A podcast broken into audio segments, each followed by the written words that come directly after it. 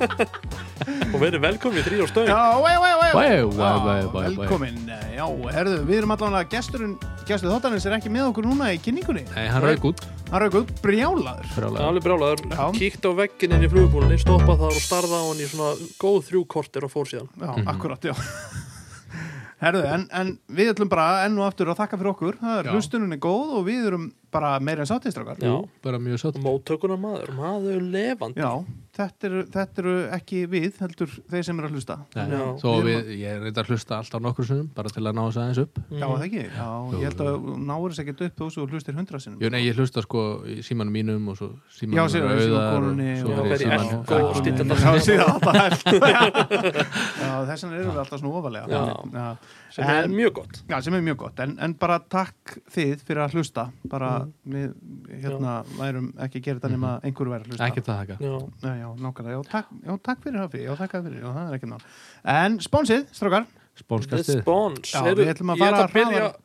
Já, Ég ætla að byrja með sponsið Veðkortið 2022 komið út. Það er komið út. Já. Komið út, það er í dreifingu Já, bara on fire núna já, ok. og þið ættu að geta bara að fara á næstu ólís eða enn stöð Ég ætla eða hitti bara- stjættafélaginu ég og ætla bara bara panta strax. bara að hafa þetta aðeins auðvöldar átni það er að kaupa þetta í flugubúlinni já, Mhm. Og á nákvæmlega. netinu. Og á netinu. Og netinu og eða kikið í henni kaffi upp í rafstöðaveg. Já, Já, er og svo er náttúrulega lítið sætið strákurinn okkar, nonni, þannig framan á. Híhí, já, hann er það ég er hér.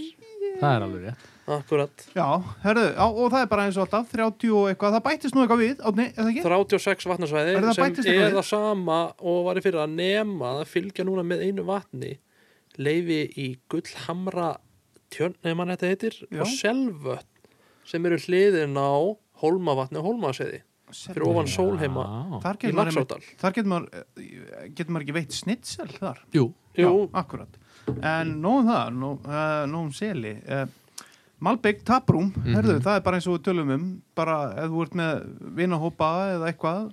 eða kíkja, á, kíkja á boltan eða Já, já, það er síndur boltin er þarna, enski Er það? meistaradeildin, þannig að þið viljið ok. sko alvöru stemningu, já, eða stem, já, stemningin er bara, Mm. fáið Já, bara já. góðan bjór og, og þetta og, á taprúmnu, þá er það Malbygg taprúm. Já, yes pöppin okkar, pöppin ykkar Új, þetta er slagur. Þetta er slagvörð Átni maður, djúðu góður. En haugurinn, Já, haugurinn, herðu, það er ímislegt að gera það er stjóðan. ímislegt Það er klassikinn, er hún? Já, það er mustard, 100 kall, en þá. Mustard, 100 gall en þá Regal, brekal, Rensetti and Apprentice já. sem er svona byrjandi á S, nýr Já. hjá honum Já, herðu, hann með eitthvað byrjandabakka. Já, svo er það já. Það skal ég segja þér Tilvalin jólagjöf fyrir byrjandan já. Og segðu hvað er ég í? Já, þess vegna er ég hérna. Það eru skæri, nál, þræðari endanúts vél kalla sig ekki það, og kemlisalda Wow. Næs Þetta eru svona helstu verkværin sem þú þarft til þess að byrja í flugunýtingum Já, en ekki nóg með það. Nú. þá færðu efni í þrjár flugur.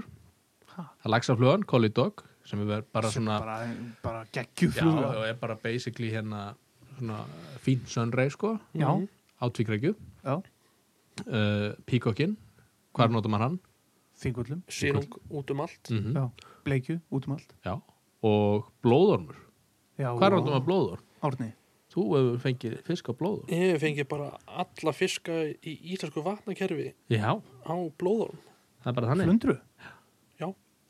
Kjaftaði. en Nei. það er oft sem að menn kaupa svona byrjandapakka og svo sita þeir bara upp í skáp og þeir byrja aldrei sko. Mm. Já, en Siggi er með lausninu því því að Nú, í innifælið já, í byrjandapakkanum já, ég man ekki, sagði ég væs já, það var væs. já, það er væs Já. þá er kvöldstund með Sigga. Hold keft Nei, ég alveg. jú, það er bara þannig.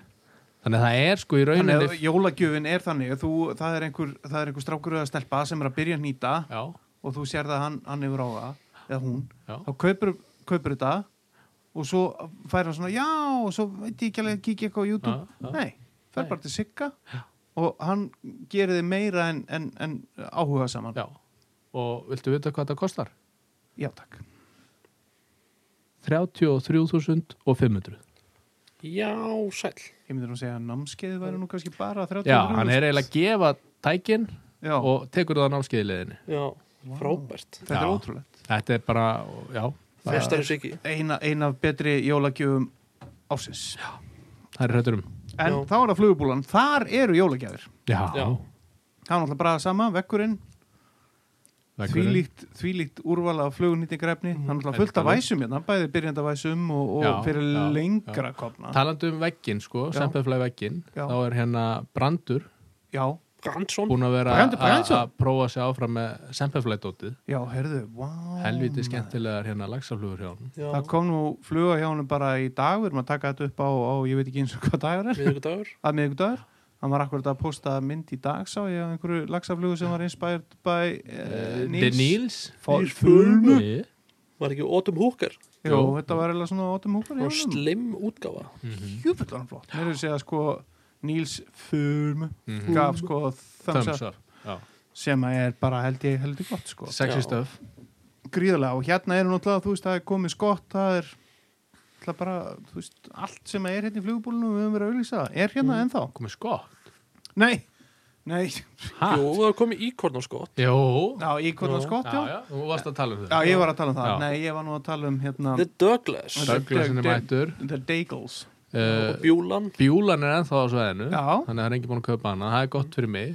Það, já, ég er helviti spenntu fyrir henni. Já, þetta er aldrei sexy ég prigg þarf eiginlega að taka hana og fela hana hérna á bakvið getur sett hann inn í ermina. Já, En já, það er allavega eins og þið vitið. Hérna fáið þið jólagjafirnar ekki bara, bara flugnýtingarefni, nei, nei, nei. heldur hér fáið þið bara allt. Þú Allt. veist, það er Patagonia hérna, come on. Hver já, vil ekki fá eitthvað? nýju, nýju Patagonia töskunar Úi, það er allavega eitthvað, ég, eins og ég segi, ég er ekki búinn að kaupa mér mittis töskuna nei, og ég verð e, svektur ef ég fæ ekki eitthvað að þessu jólagjöf. já Heyrðu þetta annarlega? Já, þú ekki að gefa hann jólagjöf Glemdi því? alltaf ekki að gefa mér jólagjöf. Ha? Nei, Nú, já, ok, best að skila. ekki gafst þú mér hérna, ammæluskjöf best að skila jú, ég er best að skila Patagonia mitis best að skila hérna, já, já, það er margt sem að ég þarf að skila en allavega, já, já, Ég þarf að skila Douglas Stöng en ok. Já, nú, já en þá er það hérna, strákar, við erum við erum ekki bara ánæðir með okkur, ég held að við séum búin að slá í gegn, Já, já, þú segir það. Já, það er nefnilega mælikvar á því við komum fyrir í veiðisprellinu já, við erum, Já. við erum mím. Já þegar BT músin kom. Já, já Það ég skildi hérna. þetta ekki alveg sko. Ekki. Þetta var bara ógeðslega fyndið. Já, Átni hlóður rosa mikið og ég líka með að geða fyndið, svo er ég alltaf einu bara, ég skil ekkert í þessu, það er líka bara út að ég er svo er svo gamall. sko. ég, ég er ungur sko. Já, þú skildir ekki heldur. Ég er eitthvað orðin faðir þannig að kannski er það það er svona, kannski skildi ég þetta ekki. Nei, já, það er það, Þegar þú verður, Það það dettur dálítið mikið úr þegar þú er búin að losa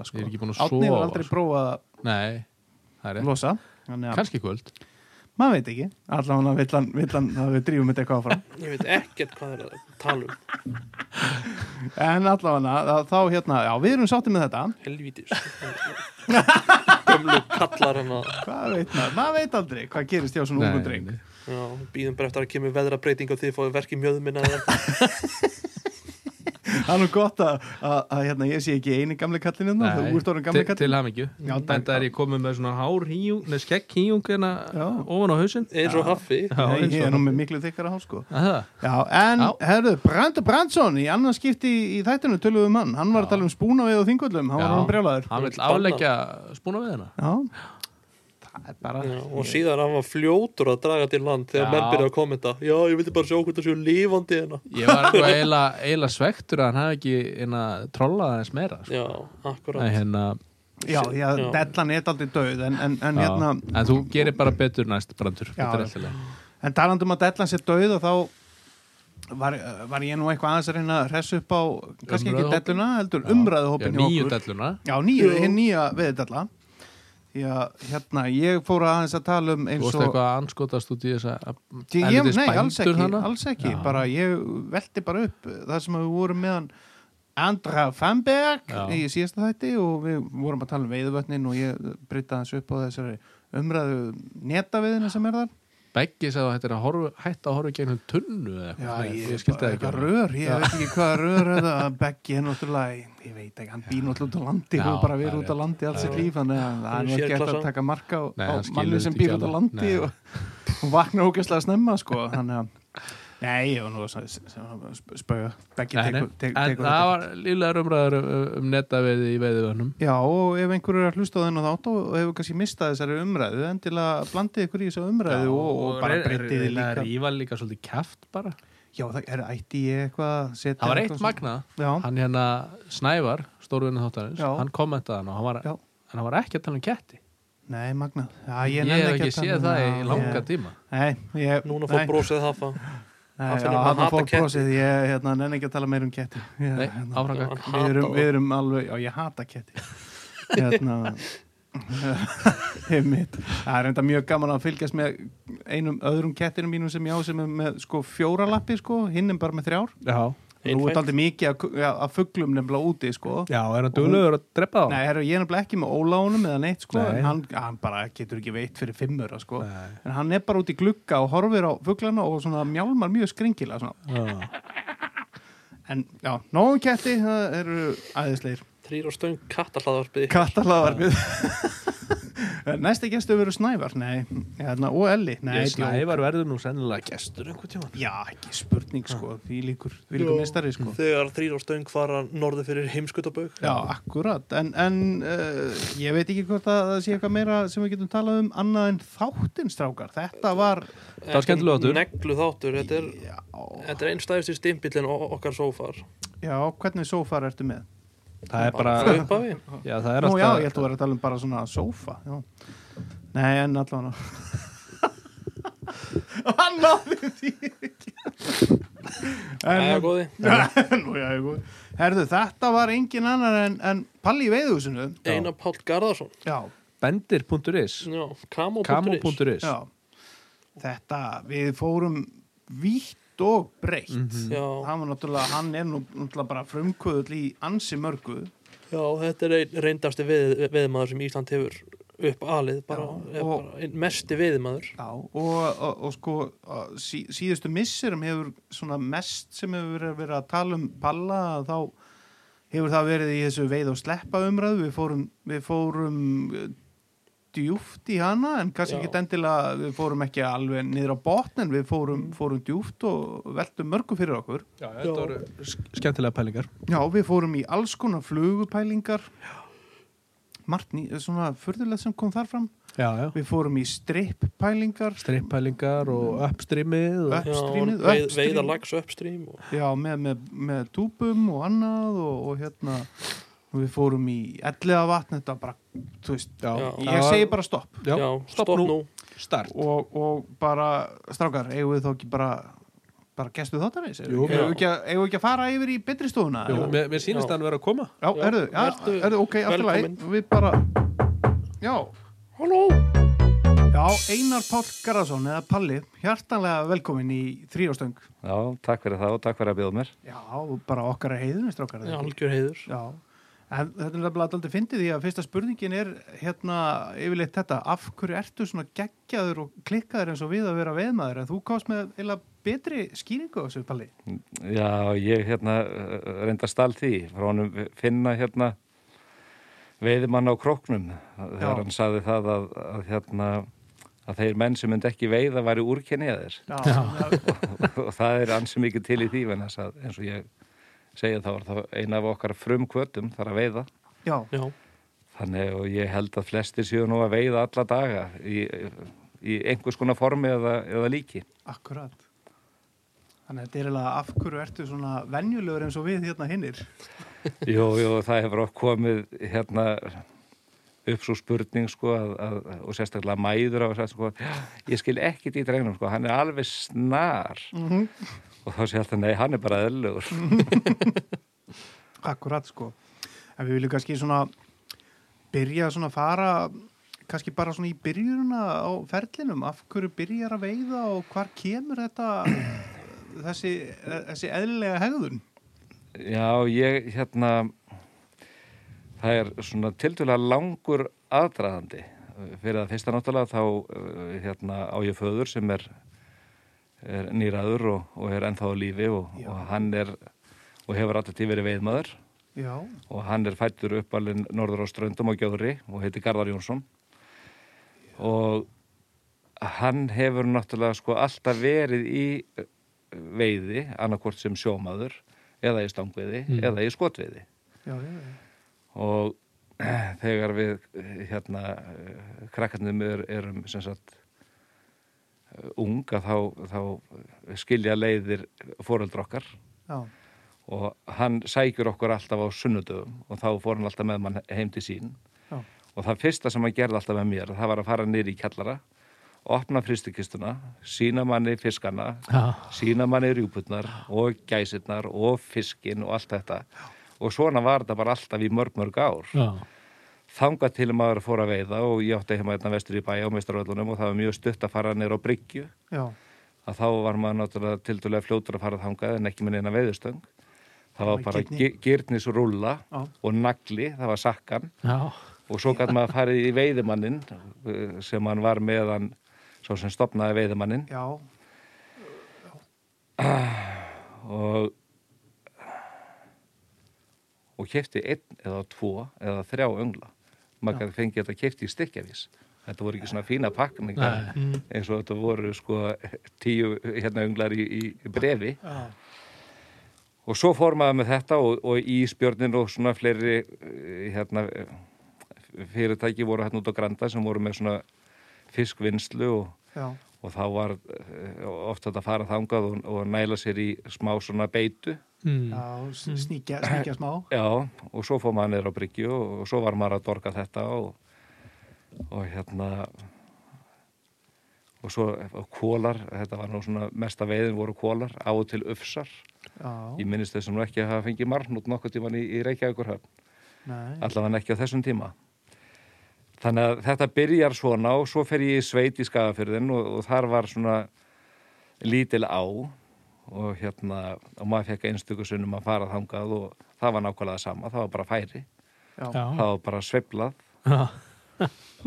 Já, se- se- settur á eitthvað prík? nei, nei, nei, það var ekki breyk Bara, fa- já, bara, já, og svo bara held maður í linn og svo tók fiskurinn og, og þá landaði maður bara Já. fiskinum bara svona þannig að svona náttúrulega byrjar þetta þannig að svo þegar maður hérna, og svo og varð eldri að, þá fór maður að að hérna svona að fá flottari græjur og, og þegar ég er 12 ára gamall og er að fara í, í, í, fyrsta bekk í kakko eins og þetta var kallað já. og búin að klára prófina þá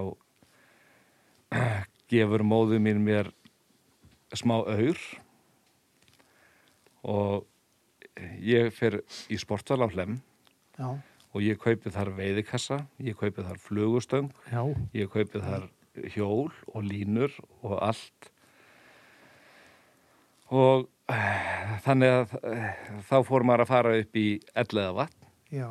og þá hjólaði maður frá mistaröllunum þess að káar heimilið er Já. og upp í elleða vatn Já. Já, vá 12 Og- ára. Aha. 12 ára.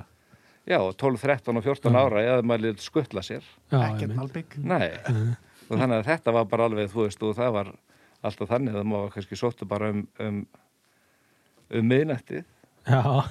þú veist, þannig að þetta var ekkert mál, þetta var bara svona, By- Byrjaðu þá strax á flugu þannig að 12 ára. stöngin sem ég kaupi, að hún var þannig að það var að snúa hjólsætunu við, þannig að maður kann nota hana sem flugustöng og kastöng, Multi-purpose. já, Alvöru græja. þannig að þetta, þetta var svolítið sniðugt og svona fyrst þess að byrja með það, þá fekk maður ekki neitt Nei. og þarna voru sko menn sem voru greinilega búin að stunda ellega vatnið í örglega í nokkur ára þeir voru alltaf að fá einn og einn fisk Mm. en einhver hluta vegna þegar maður spurði eða kallaði til þessara manna þá svöruður manni aldrei Nei. og ég man eftir því einu sinni að þá var ég að veiða í, í vatninu og, og ég var búin að kalla þarna á mann og þetta er það sem söður á hann kemur út í út í uh, Einmitt. Já.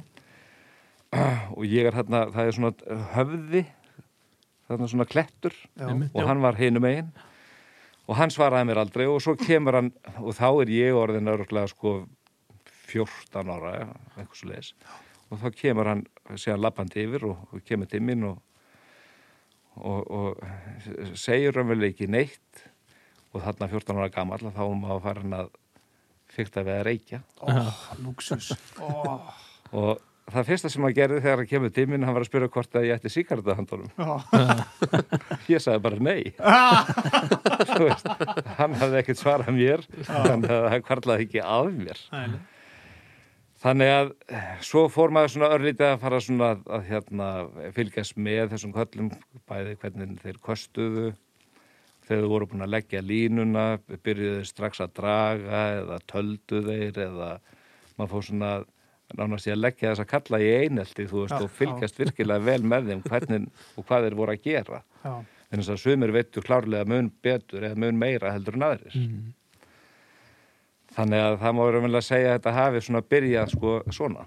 En hvar sástu, þú veist, þannig að þú sko 12 voru að kaupa flugustöng, varstu þá búin að sjá menn með flugustöng eitthvað staðar og fannst þetta spennandi eða? Nei, kannski einhverju myndu með eitthvað svona og ég maður Já. það, það sem ég átti heima á mistaröllunum og var þarna smá pegi að þá uh, það var hérna Vestlun sko út á Kaplaskóldsveginum sem hétt Maggabúð og þar þegar ég er að koma einu sinni og er að lappa út á uh, hérna stoppistöð þá kemur þar maður á Volvo, svona gömlum Volvo og hann er að bera inn veiðið út og ég náttúrulega lappaði að þessu til þess að forvetnast Já.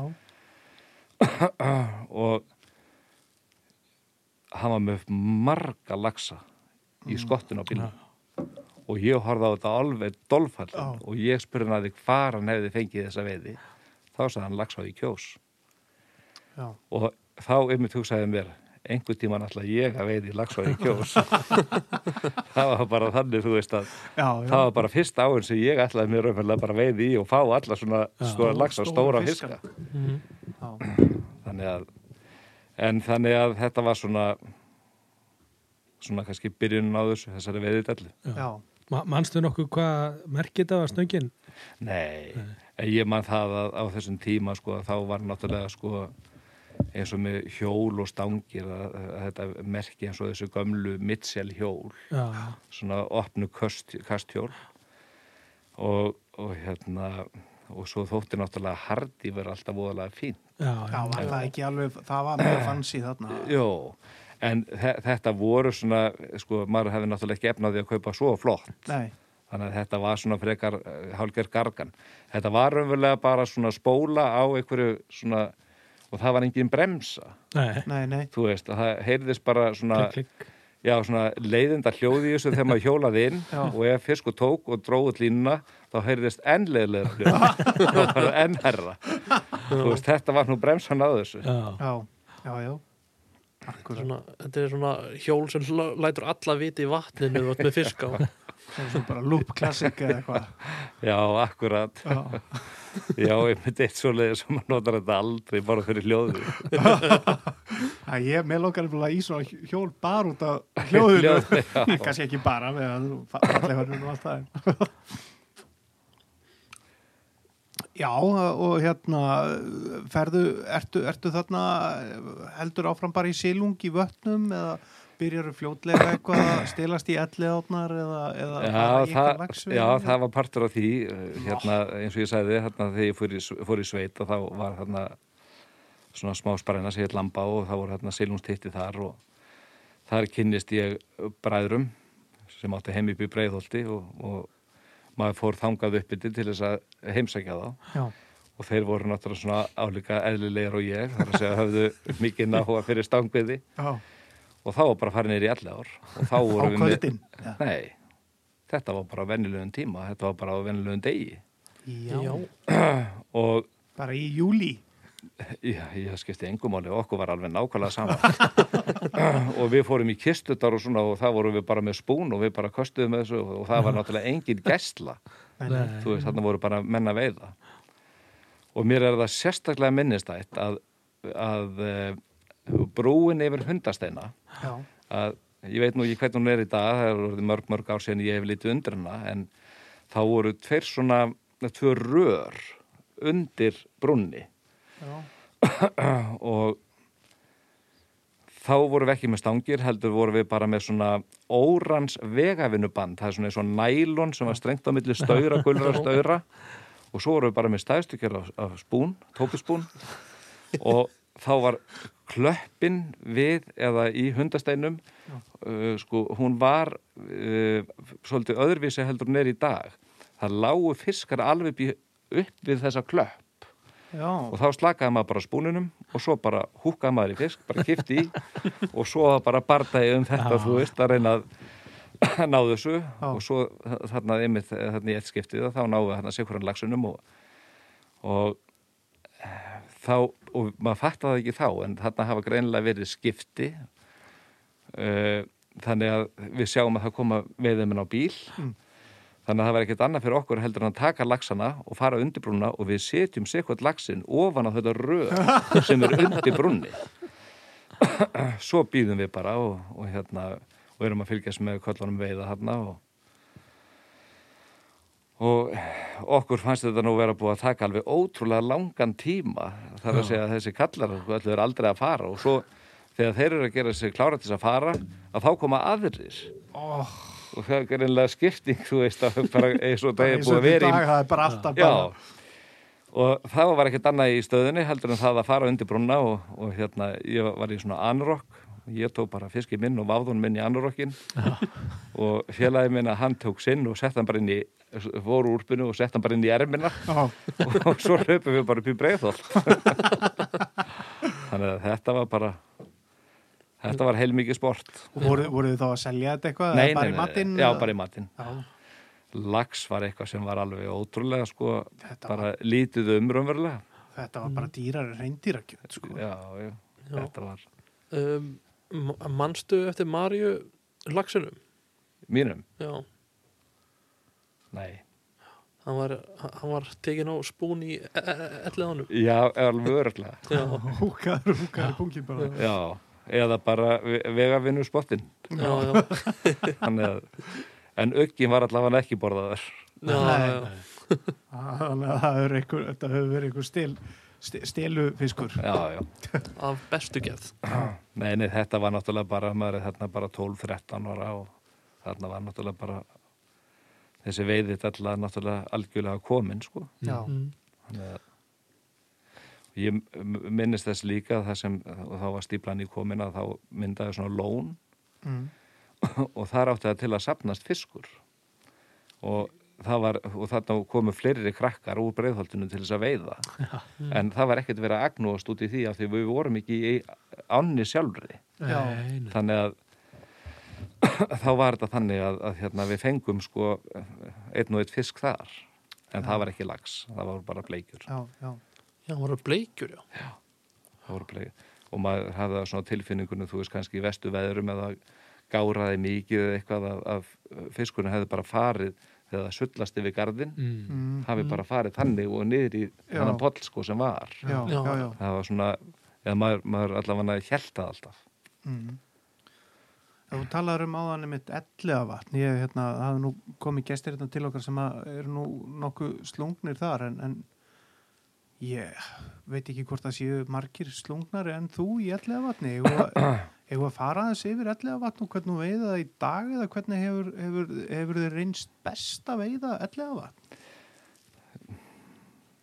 sko, ég segi ellega vatn alltaf flótlina Já, líka á vorin Mm. og maður þá nota þá bara droppir eða lítið þingri flugur já, og leifir í þá frekar að sökva Þetta náttúrulega fer allt eftir hitasti í vaksins já, og yfirleitt þarna í byrjun og þá er þetta þannig að uh, vatni er valla mikið meira heldur en 5-6 gráður mm í kringu fyrsta mæ það, þetta náttúrulega byrjaði alltaf fyrsta mæ hérna í, í den.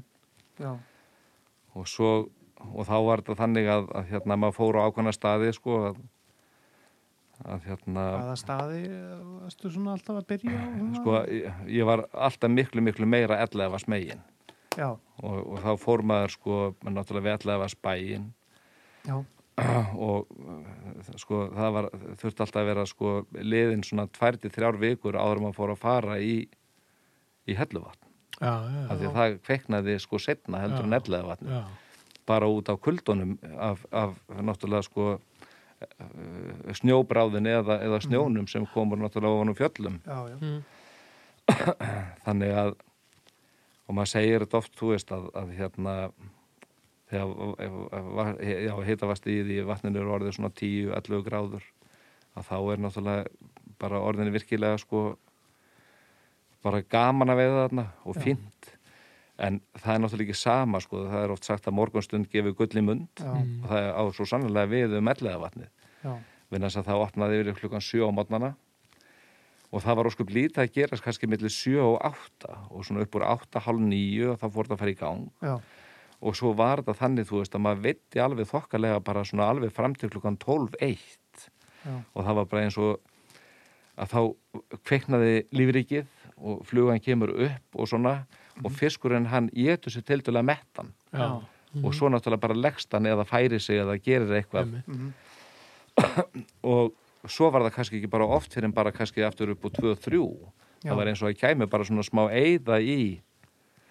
Og maður var náttúrulega búin að fara svo oft og stunda þetta í svo mörg ára þá var náttúrulega var þetta árið þannig að árum að í vinnu að til dæmis eins og á lögatöfum að þá var maður mættur klukkan 7 já, til klukkan 20 myndir í 10 þá brunaði maður í vinnuna. Já, og svo þegar vinnan var búin klukkan 4 þá brunaði maður aftur upp yfir já, og ef maður fekk afar sjaldan góða veið á kvöldin þetta voru alltaf mótnandi sem, sem voru svona mest, mest að sprengja. já svo eftir því sem árin líða náttúrulega og þá uh, fara alltaf að koma sko meir og meiri beitukallar Já, og það er nú bara þannig með fulla virðingu fyrir þeim og, og þessu vatni að sko það er náttúrulega svolítið slemt sko að þegar það er verið að kasta sko og þegar ég tala um beitukallar þá kasta það náttúrulega að láta liggja og þeir eru kannski með tvær stangir. Já, að þá er maður oft á tíðum bara í færónu þeirra. Já, já, þannig að maður hefur kannski lítið sveigrún þú veist já, já, til þess að vera að stunda þetta og þetta svona, svolítið svona fældi mann frá.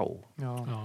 og Og þeir náttúrulega eru bara á sínu stað sko og Já, færa sig kannski færa sig. nei, þeir færa sig ekki neitt. Þetta er Það bara er ekki eins og í, í, í flugveðin að þú kannski gefur smá tíma hérna og svo lappar bara á næsta stað já, sko. já, já, já. nei, nei, þannig að voru þeir kannski bara Þeir eru með stól og tvo bakbaka og tvær stangur og ferðagrill og Gilstón rauðan. Já, já, já, já, já, já. þetta er, þetta er eins og þegar ég ætlaði að fara á riðhól í vor. Já, það var engin annað, ég sá engan og ég alveg bara, bara fullt af fólki við bæinn og, og, og, og það er svona aðeins nær vassendanum bara fullt af fólki. Og ég sé engan á riðhól og ég hugsa bara, yes, vatnið voru heitt. Núna er bleikjan við riðhól. Hleypan af stað og, og síðan allt í hennu bara já, er hann er gaur sem er með fjóra kastangir út um all, bara tvær vinstra megin og tvær hægra megin. Já, já, ok, ég er ekki að fara á riðhól. Nei, nei, Nei, þetta er þetta er skrítið. En hva, hvernig, varstu, varstu alltaf að byrjaður með eitthvað, eitthvað svipa setup, sko, eitthvað í, byrjaður með einhverja sérstaka flugu, svo reyndir að finna fisk? já, sko, á þessum tíma þá náttúrulega voru sko flugur eins og bara Taylorinn var náttúrulega alveg rosalega sterkur Já, og, og hérna og fassan til og, já, og flugur sem ég bjóð til sem heiti Birta og, og mað, það voru svona ákveðna flugur og, og þá voru til dæmis kúluhausarnir. Þetta var ekki byrjað. Nei, þetta kemur svolítið setna sko en maður notaði oft dropper. Og þá svona þó, þó svo þetta væri ekki margar flugur sem að var að nota það voru mismunandi afbreyði af. Já. eins og til dæmis bara Peter Ross. Já, að annars vegar er það púpan og svo er það púpan þegar hún er búin að halvklekjast og svo er það flugan. Já, og svona er þetta líka bara með eins og, eins og hérna þurrfluguna Black Nut og svona. Og svo náttúrulega skiptir það rosalega miklu máli að þegar maður kemur til dæmis þarna vatninu þú veist og þú lítur yfir vatnið og er mættur og þú sér enga hreyfingu þú sér ekkit að það er engi fiskur að taka uppi eða neitt þá veistu það bara að, að það er óskup lítið fara að gerast í vatninu akkurat þennan morgunin þannig að þá verður þú að kasta og þú verður bara að telja 1, 2, 3, 4, 5 og pröfa þá að draga. Og ef það gefur ekki þá þarf þetta að telja bara upp á 10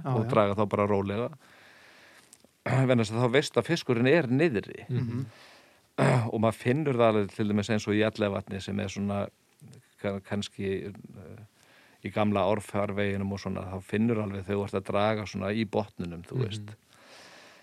Þannig að og draga bara nógu hægt. En Já. svo aftur á móti ef þetta var þannig þú veist að, að fiskur var farin að að sína sig, var farin að vaka eins og við tölum um mhm, að þá var þetta þannig að maður bara kastaði og bara leiðum maður búin að leggja þá byrjaði maður bara strax að draga Já. Þá er bara flugan nánast í uppi bara við vass yfirborðið Mhm. þannig að þá var maður að fá. Þannig að þetta er svona bara það sem maður þarf aðeins að bara horfa eftir og líti í kringu sig og bara svona skoða. Já, já, þannig að, að þetta er bara mismunandi en, en, en það voru alltaf þarna svona gamli kallar sko sem voru búin að ná þarna alveg fantatökum og vatninu og veittu alltaf Var, var, var meiri bleikja þá? já, miklu meiri bleik Miklu meiri bleikja miklu meiri já. það var bara svolítið sérstætt að fá urriða Já. en það var svo miklu, miklu meiri um bleikjur já. Já, var það, var, bara, einmitt, ef maður, maður fekk urriða, var það bara svona, það var, ef maður fór út á þingnes og bara í grjótin og svona, það var þarna að eldast við urriðan en maður var alltaf hrifnari af bleikjunni Já. bæði var þetta bara fýtt matfiskur já, og bara alltaf svona skemmtilega en það var alltaf sko af tíu fiskum að það voru nýju bleikjur og kannski einn að þetta hefur algjörlega snúist við. Já, Það er eins, eins líka sko með þá sem við höfum talað við hérna sko þeir byrja alltaf hellu hann já, já, sko. já, já. Það er búið að snúast við sko. já, já, já, já, já. Og það voru urriðin þar sko. Já, já. Já, akkurat, akkurat. Ég, ég man vel eftir fyrstu bleikjunum minni í, í elleðafatni. já, Það er, já, komið svo mikið óvart og ég var alltaf búin að vera hann að veiða ur urrið á, á kríu nesunu. já, Síðan bara fekk ég allt innu bleikju á intermediate línu og minni mig, hvað, dýrbít eða eitthvað. já, já, já. Já, Dóra bara- dýrbít, orange Já, já, svartur minni, minni mig. svartur Já. já, já, já, já. Þetta var, ég líka sagði einhvern frá því bara, já, ég fikk bleikju þennan á kríunisunu og, og, og, og strömmflugu. Ha, Já, Ligari. Já, já, já, já, Nei, það er nefnilega einmitt sko bleikja á strömmflugu Mm. að þetta var eins og þegar maður var að veiða á þingvöllum. Já, að þá var þetta þannig, þú veist, að maður var kannski á pallinum eða út á öfugsnáða. Að þá var þetta þannig, þú veist, að maður veitti á púpunar og þá var maður oft með intermediate línur. Já, fljótlega hætti maður því og fór bara yfir í flótlínur og bara leifaði að, að sökka yfir ölliti þingra og bara lengri taum og leifaði bara að sökka betur. Mhm. maður tapaði sko færri flugum heldur en að vera myndi með já, og það er nú gaman að geta þess að þegar ég kem þarna í fyrsta sinn og fer út á pallin að hafið þið komið út á pallin já, já, já, já, þá er náttúrulega sérstök leið út á pallin Já. og ég kem þarna og er að horfa þarna yfir og þá er kallað þarna maður sem er að veið á pallinum. og þá er það pappið þinn. Já, já. og hann, hann hérna skammaði þið nei, hann, hann sagði bara kondi, ég skal bara lósa þið hérna og sína þið bara hvernig þetta er gert. Já, já, já, þannig að hann var mjög elskulegur og eins og ávalt já. það En er skemmtilegt. Sá eins og í hérna, stráka, þetta er nú fyrsti viðmælandan okkar sem hefur verið í, var í gömlu sporðarkasta þáttunum.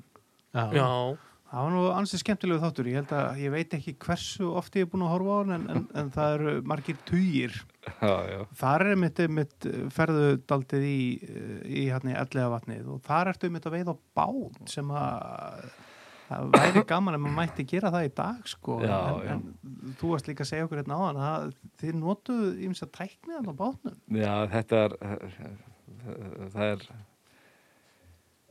ótrúlegt og maður eiginlega trúðis ekki bara að því að maður var bara í brýri að pröfa bara eitthvað að því að annað gaf ekki. Já, og þá var Jón félagi minn að, að þá rýri hann. Já, og hann rýri alveg eins og bara ein- eins og bara kaftirn á galiðu skipi. Og þá var þetta þannig að maður notaði strömmflugur og Já. þá bara starfinn bara nummer 6 já, og þá var maður bara með svolítið þygt blí eins og bara verið sköll. Mm, og svo var þetta bara svona, eh, svona eins og tinselbúkur og, og svona svolítið svona glitrandi eins og þetta væri svona seiði já, þetta var maður að svona reyna að klambra saman þegar maður var að byrja að nýta og svona. Að svo reri hann á fullu. Ég kastaði. Já, og svo strippaði ég á fullu ásamt því að hann reri á réri. einmitt. og svona fengum við hvern urðan á fætur öðrum. En ef hann reri ekki og ég kastaði bara og strippaði þá bara Gerðist leit ekki nei, urðan hann, hann tók það ekki. Nei. og svona var þetta alveg ótrúlegt og við sko ítrekuðum prófum þetta. Já, og það var alltaf það sama. Þetta var besta leiðin til þess að fá slatta vöruða að það var svona. Þetta er alveg magnað þannig að það segir líka bara hvað þetta eru sko spræki fiskar. Kröftuðu fiskur. Alveg ótrúlega sko. þannig að ég veit ekki hvort einhver hafi kannski en þegar maður var hérna yngri þá fór maður upp á stíplu hérna við ellaðarnar Já, svo horfði maður niður og þá sá maður laxana undir stípluna hafi ekki séð það. Já, Mhm. þá tók maður stein og liði detta sko það er bara leið og steinni snertir vassflutin og þó þetta sé grönt já. þá eru þeir alltaf farnir já, þú veist, það er bara það- þetta er bara frá bara, að maður heldur að þeir séu bara sofandi, Já, já, já. þú veist Nei, nei, nei, nei. Þeir eru bara alls ekki svo. en af því að þú komst að inn á hann að, að veiða sko bleiki á strömmflugu Mhm. að þá er þetta þannig líka að, að eins og þingvöllum að maður kastaði kannski bara með killer eða Watsons Fancy eða Peacock eða einhverju Mm. og svo hefur maður búin að gera þetta kannski í hálftíma þá tók maður dentist setti eitt hagl framan á stórt hagl svo kastaði maður bara fyrst byrjaði maður bara til vinstri og svo bara hægt og rólega fór maður alveg bara og svo sömuleið tilbaka Mhm. og þá tók maður bara aftur inn og skipti bara og setti aftur á píkókuna eða einhverja svona púpur Já. það var ansi oft sem maður fekk vænar bleikjur ymmit á þessar strömmflugur og alltaf var það dentist. Dentistinn, já. Já. Er það dentist í stær 6? já, bara sex Já. Já, en, en þú veist þetta, þetta, þetta er náttúrulega ekkert eh, annað nema bara spút Mhm. basically, veist, bara já, svipa tópi bara. já, og þetta sést bara eh, sko langt að og svona Já, þannig að maður gerir þetta alltaf já, Mhm. þú veist, og, og fekk oft Já. og meiri segja eins og í helluvatni stæðsta bleikan sem ég fikk í helluvatni að hún hefur verið bara um fjögur pund og hún tók akkurat svona Já. maður gerir þetta líka í þegar maður var að veið í elleðavatni Mhm. en þá var maður með minni þá var maður kannski með strímera bara kannski nummer 8 eða 10 Mm. Já. Já. Og, se og sett á hagla á líka. alltaf haglá að maður náttúrulega sko var með flotlinu og svo strippaði maður hann að maður vildi hafa þetta örlítið Aðeins undir til. Já. já. Akkurat, þetta var þá fyrir tíma kúlu hausana. já, já, Já. Þetta, það var bara haglið Haglir, já. þannig að það var bara boks svona grænt Já, með mismunandi starðum á höglum Já, þetta Já, var, einmitt. 0,5 og já, upp í já, 3 já, gram. já, já, já, þetta var bara svo leiðis Já, já, já, já. Ég hef alltaf sagt að það eru bara siðblinda bleikjur sem taka strömmflugur. Já. Það er misvinnsæl skoðun hjá mér en. já. Já, Skoðun allavega. Já, já. En það er einmitt eins og í þessum sporða, sporðarkasta þætti sem að þú varst í að það er einmitt talar þetta aldrei líka um þingvallavatnið. Þú Mhm. ert uh, helvíti sleipur þar ekki satt. maður var þarna uh, oft og þótti alltaf og svona uppáldi var uh, eftir að maður fór á pallin maður fór, maður fór alltaf á pallin og, og var þar það, þetta er svona og svo er náttúrulega sko oft er það þannig þú veist að þegar veðrið er sem vest á þingvöllum já. þá er það oft sem er virkilega fín veiði Mm en einhvern veginn þá fannst mér að vera alltaf þannig þú veist að þingvallið hérna vatnið í dumbungi og róki og regningu það er nú ekki spennandi að standa þarna úti Nei. klukkutímu saman í þannig veðri Skýta kuldi Já, og já, já, já. vatnið svo kallt já, og, já, já. og, þannig að maður vildi frekar sko frekar, hérna fara á góðveru stögum og þegar það var sól og svona Mm. Þannig Eldsnemmu um morgun. já, helst Já, að fara já. bara fjög og fimmleiti Já, akkurat. þú veist, Það er fátt betra en að, en að fara á þingvall fyrir vinnu. já, já Já, já, já, nákvæmlega.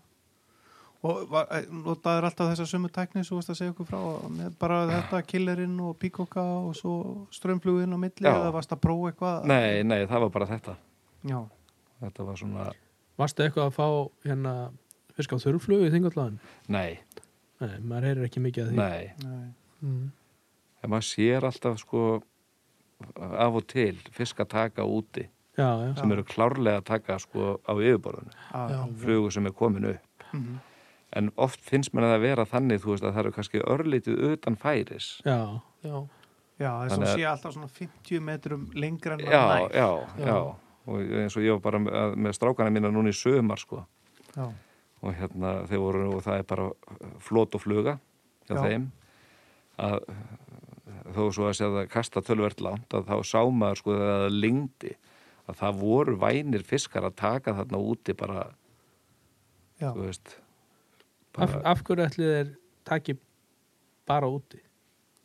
Þú eru ekki spáðið því Mm, Þetta er oft svona líka í ellegavatni Já, en er það ekki líka oft hannig, þú veist, að, að eins og til dæmis ef þú ferða á þokkarlega góðan degi til dæmis á þingvelli ég meina, ströndin er eiginlega bara sko þakina mannska Já, já, og það er allir búin að vera að berja með spún og beitu og Já, flug já, og svo já. framvegis að þá er náttúrulega bara búið að berja fiskinu utar. Já, Og- og einn besta leiðin til þess að ná sko tekní að kasta langt það er akkurat þetta að stunda sko vatnaveðina já, já, já.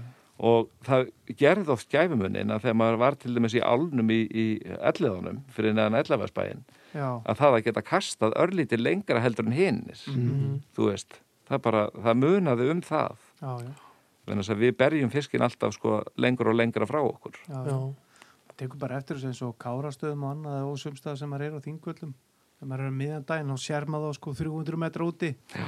svo það byrjar að dimma og meðan maður er á þeim tíma sem maður dimmir kannski já, já, svo færa þessi alltaf nær og svo þegar kannski komið myrkur og þá er það bara komin metri frá landi já, sko. já, já. já, er það er akkurat það sem gerir sko, það er náttúrulega að koma bara nærlega landi já, já.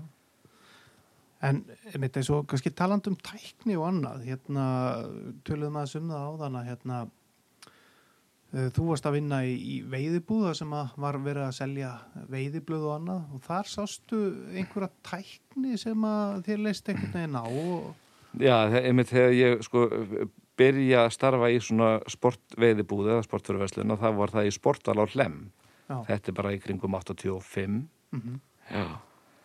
og þá seldum við ekki svona blöð heldur við gerðumst áskrifendar af tveimur svona erlendum tímaritum. Já, og bara til þess að ef það væri eitthvað þarna sem maður myndi sjá sniðu þetta geta þá miðlað eða sagt frá einhverju. Já, og þá svona kynnist maður þessari uppstrím veiði eða það er að segja sko kanin hann náttúrulega veitti svo mikið á þetta uppstrím og einhvern veginn eh, þá svona maður spá, var ekkert að spá í þetta svona fyrst þess að byrja með. Nei, og svo hafið þið kannski heyrt másing fór trátt. Mhm. það er að segja þá eru þið með svona gerfi mís já, já, til þess að að egna fyrir og á þetta voru þeir að veiða þú veist og maður hristi bara hausin og maður bara sem já, maður bara skoða þetta svona og rétt lasi þetta og svo bara ligarar þú veist, maður hafði bara enga trú á þessu. Nei, nei, ekki frekar heldur en það að, að stóru öruðarnir í, í, í lagsáði þing. Ég menna andarungar og mís Einmitt, einmitt.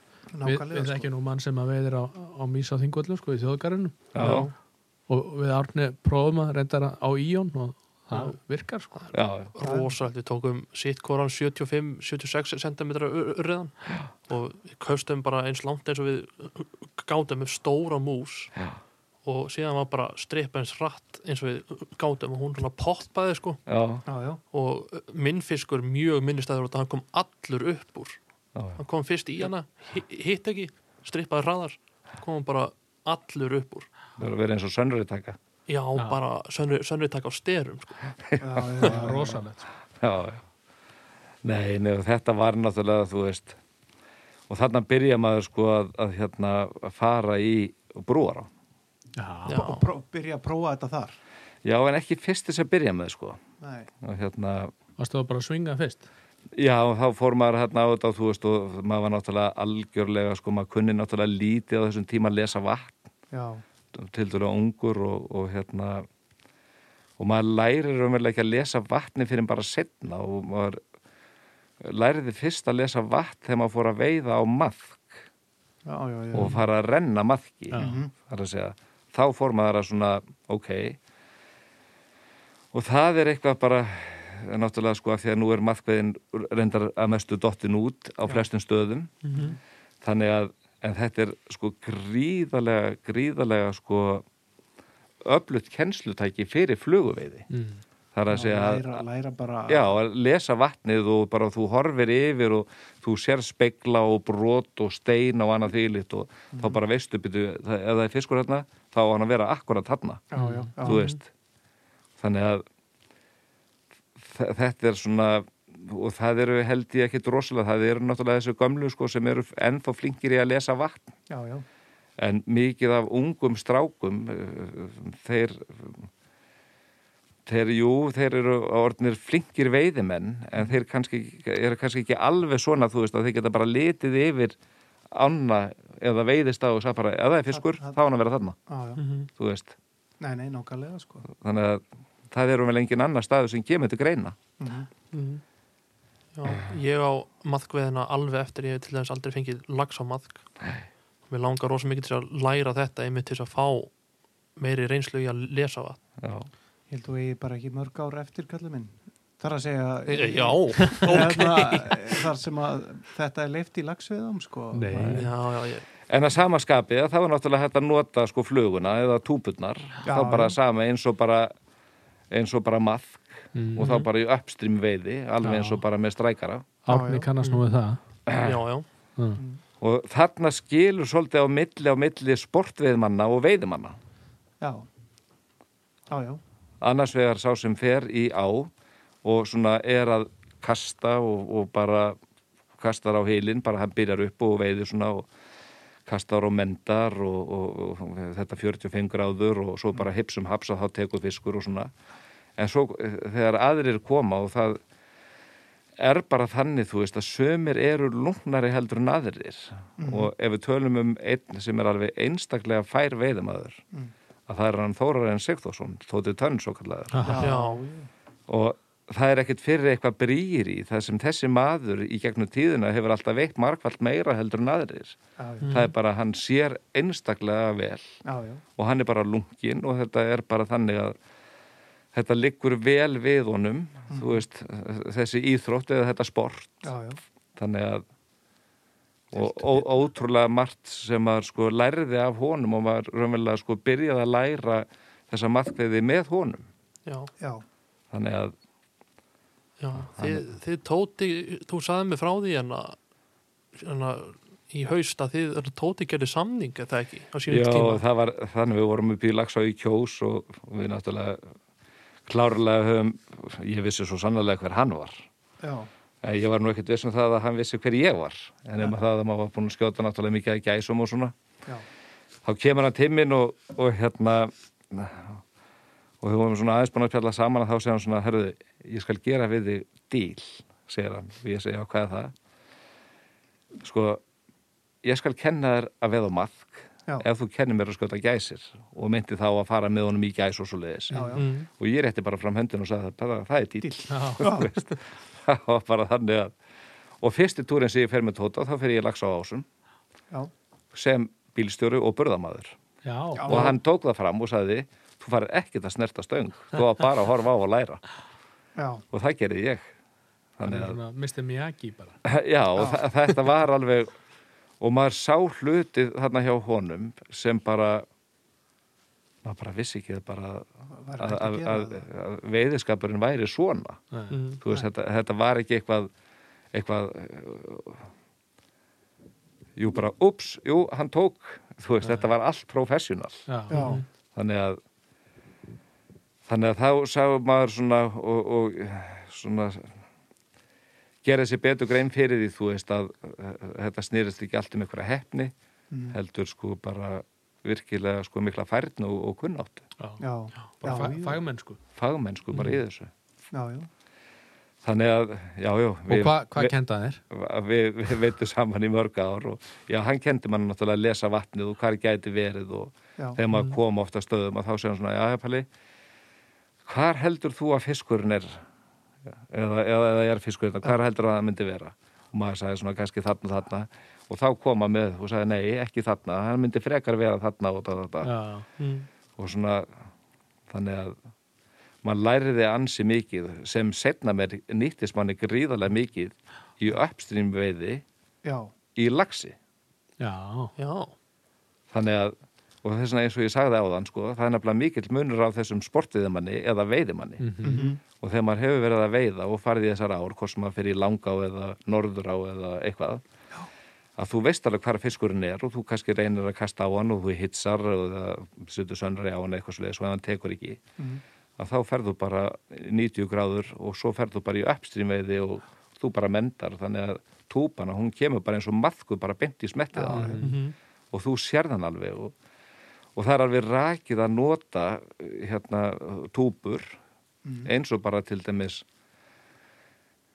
hvítarflugur hafa alltaf reyns mér alveg gríðarlega vel og sérstaklega sko í sól og í mikilli byrtu Já. en ekki nómið það að eins og bara haldtómu hérna Francis, hvítur eða gulur eða tomma þetta sér þú bara eins og kókfluskur í já, þannig að þú veist alveg hvar fiskurinn er þannig að ef þú sér enn betur hvar flugan er Já, þannig að Já. þú getur bara stjórnað þessu og bara sett þetta bara beint á hann.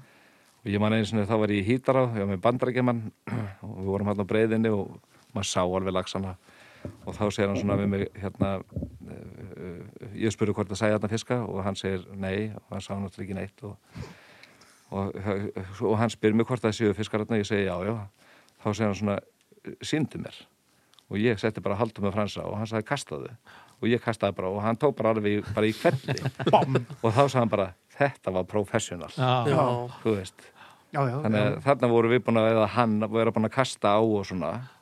Og það hefur oft verið þannig þú veist að þegar maður hefur verið í leiðsögn að, að þó svo það gangi ekki upp hjá veiðimannunum sem maður er að- er að leiðsegja Mhm.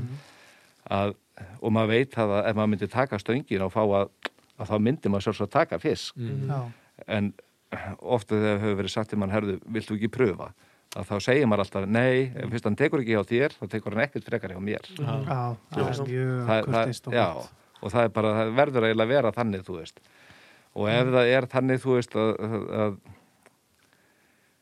við höfum náttúrulega fannar að fara úr einu í annað Já, já. en, það er bara gaman. En og, og þegar hérna, kúnin hann segir kannski, herðu, er ekki til í að sína mér hérna að þá er fínt að segja, herðu, jú, ég skal hérna sína þér. Og tekur stöngina, tekur færið inn klippir flugun af kastar, mendar og segir bara, svo gerur þú svona og svona og svona og svona. Og svo tekur maður, nýtir flugun á og segir, pröfa þú núna. Mm. Þetta er helviti sniðu en ekki að veiða þannig að þessi túsund tekur fiskinn. Já, en svo er það þannig að þú hefur verið kannski með fólki og það er mikill vindur, það getur ekki kastað. Já, þá getur þú kastað fyrir það. Já. en leiðu er búin að leggja þá Já. réttur þú viðkomandi stöngina þannig já, að já. hérna, veiðimæðurinn hann strippar eða, eða gerir það sem hann vill og fær tökuna og fær fiskin já, já. þú er bara svona pínlítið aðstóða Akkurat en þú tekur ekki fiskin af kúnunum það er, Nei, nei, Aldrei nei, það er, Já, það ég, er, það er ekki já, nei, nei. Þegar, ertu að upstreama fyrir lags svona almennt, með túbu ertu með söklínu eða ertu bara með langa alltaf taum? Mm. ég veiði og hef bara í gegnum tíðina veitt bara 99% af einmitt. og þó svo að þessi komið haust það skiptir mikið nokkru máli. Menn þess að ef, það er orðið kalt og fiskurinn orðin latur að taka og smá dýpa á hann þá veit ég bara hvað ég þarf að gera. Ég þarf að koma þið niður. Og þú getur sett tvo litla kóna eða þrjá litla kóna Já, til þess að koma þið niður. Og það gerir bara nákvæmlega sama gagn eins og hitt mhm, þannig að akkur, akkurat sko. en, en við- ég hef aldrei sko jú að því að nú hefur maður verið að veiða í ytri og eistri Já, og í hólsánum fyrir austan. Við erum aldrei með neitt bæði flotlínur og svo kannski bara intermediate. Við þess að hraðsökkvandi tauma við hefum ekkert verið að nota þá eða, eða mikið þannig. Já, ekki taumana heldur. Nei, það er mjög, mjög lítið um það sko. Já, kasti bara meira, eins meira eins, og og í ytri sko, ytri, hún er ekkert svo djúp. Nei, það eru bara einhver örfáðu stað það eru náttúrulega nokkri staðir í henni sem eru já djúpir, en, en sko. svona heilt yfir þá er hún ekki neitt sko rosalega djúp. Nei, nei, eistri aftur á móti, þar eru djúpi dammar á sumum stöðum og svo leiðis Mhm. þar sem það myndi koma og nýtast betur að vera með svona söktema Mm. mhm, en, en hérna og þá komum við líka að því að, að eins og bara með agnið já, að sko í gegnum tíðina þá náttúrulega hafa verið sko flugur sem hafa verið svona upplögastir í þessum túpum hafa verið náttúrulega verið fransistúpur mhm, og svo hefur náttúrulega snældan sem náttúrulega varð alveg sko ofbóðslega sko flott vopn þegar það kemur á markaðin og er ennþá mjög, mjög gott agn. Gríðarlega sterka flug eða sterk fluga sko. Að maður hefur svona litið á þetta þannig þú veist að, að ef vatnið er hratt mhm, að þá nota maður snældu. Ef vatnið er hægt þá nota maður meira bara fransistúpu. Venna þess að annað virkar eins og spútn hitt virkar eins og maðkur. Mm.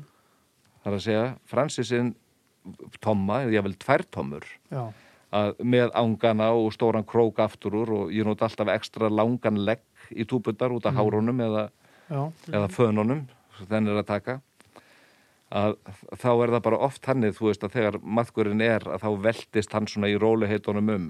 Já, og þegar maður var í þessu maðku opnunum á sínum tíma það sem það var ekki að koma í við að renna maðkinum af því að þetta voru ekki strengir heldur voru þetta breyður Já, að þá var bara maðkinum þverkastað. Já, og svo bara látum bara já og svo var hann bara látum bara sölla þú veist. Já, þannig að þetta er ekkert annað.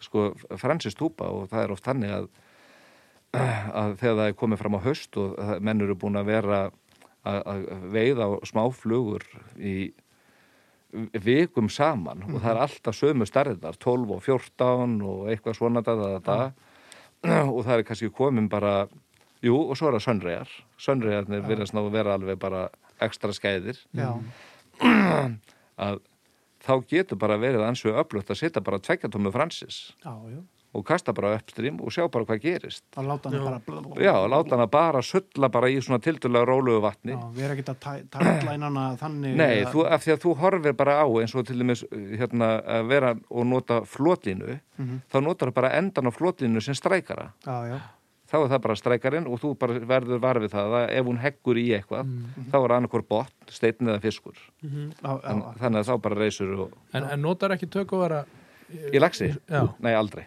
aldrei? Nei, ég hef bara ekki þurft þess. Nei, nei, En aftur á móti bleikjundar eru oft þannig, þú veist, af því að það er miklu, miklu rólega vatn. já, já, já, Að, og hún, hún et, et, et, sko, laxin tekur svo mikið, mikið frekar með meiri offorsi Mhm. heldur en bleikjan. Bleikjan á það til eins og í brúará, já, þar sem það eru bara nánast í kjörar og svo bara eru það bara svona við að taka agnið sem ströymurinn færir henni Mhm. en aftur á móti er laxin meira þannig að það er hann sem á til að rjúka, þú veist, og snúa sig við og einmitt Sækja það sækja það bara. já, já, já, já, já.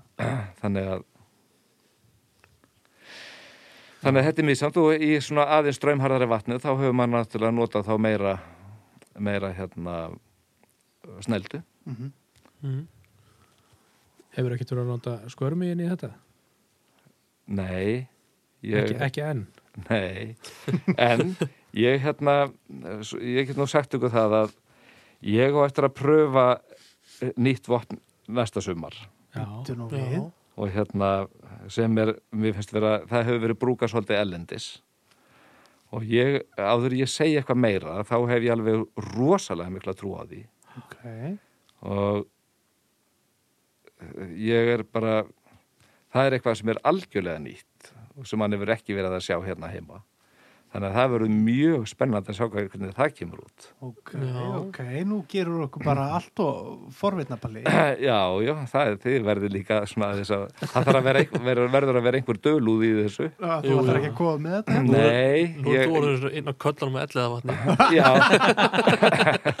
Nei, sko fyrir það fyrsta náttúrulega að þá er ekki búið að láta reyna á það. Já, Nei. já, þannig að ég get ekki verið svo illa kvöllunum í allega vatni sem voru þá að veiða. En ef þetta gefur þá svo sannarlega kemur ekki til með að að hérna líka mér að, að Nei, við, þú, ég bara sel þá mönnum bara þetta vopn Já, þú Já. ringir í okkur um leið og, og við komum tilkynningu já. já, já. Nei, nei, allavega ég hef uh, mikla trú á þessu Ok, ok. En, en í þessari lagsveiði og upstream dóti, hefur verið í púbunum eitthvað í því eða? Nei, svona almennt í púpum, nei. Nei. Ég hef fengið tvo eða þrjá lagsa í gennum tíðina á púpur. Já, Einn í búðu, búðufossi, já,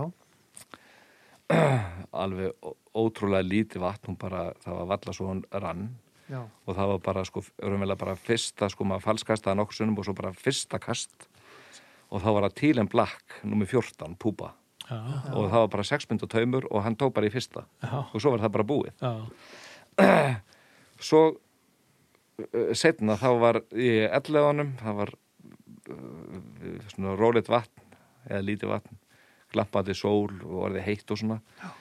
Þá fekk ég tvo lagsa, báði höfuðil á killer.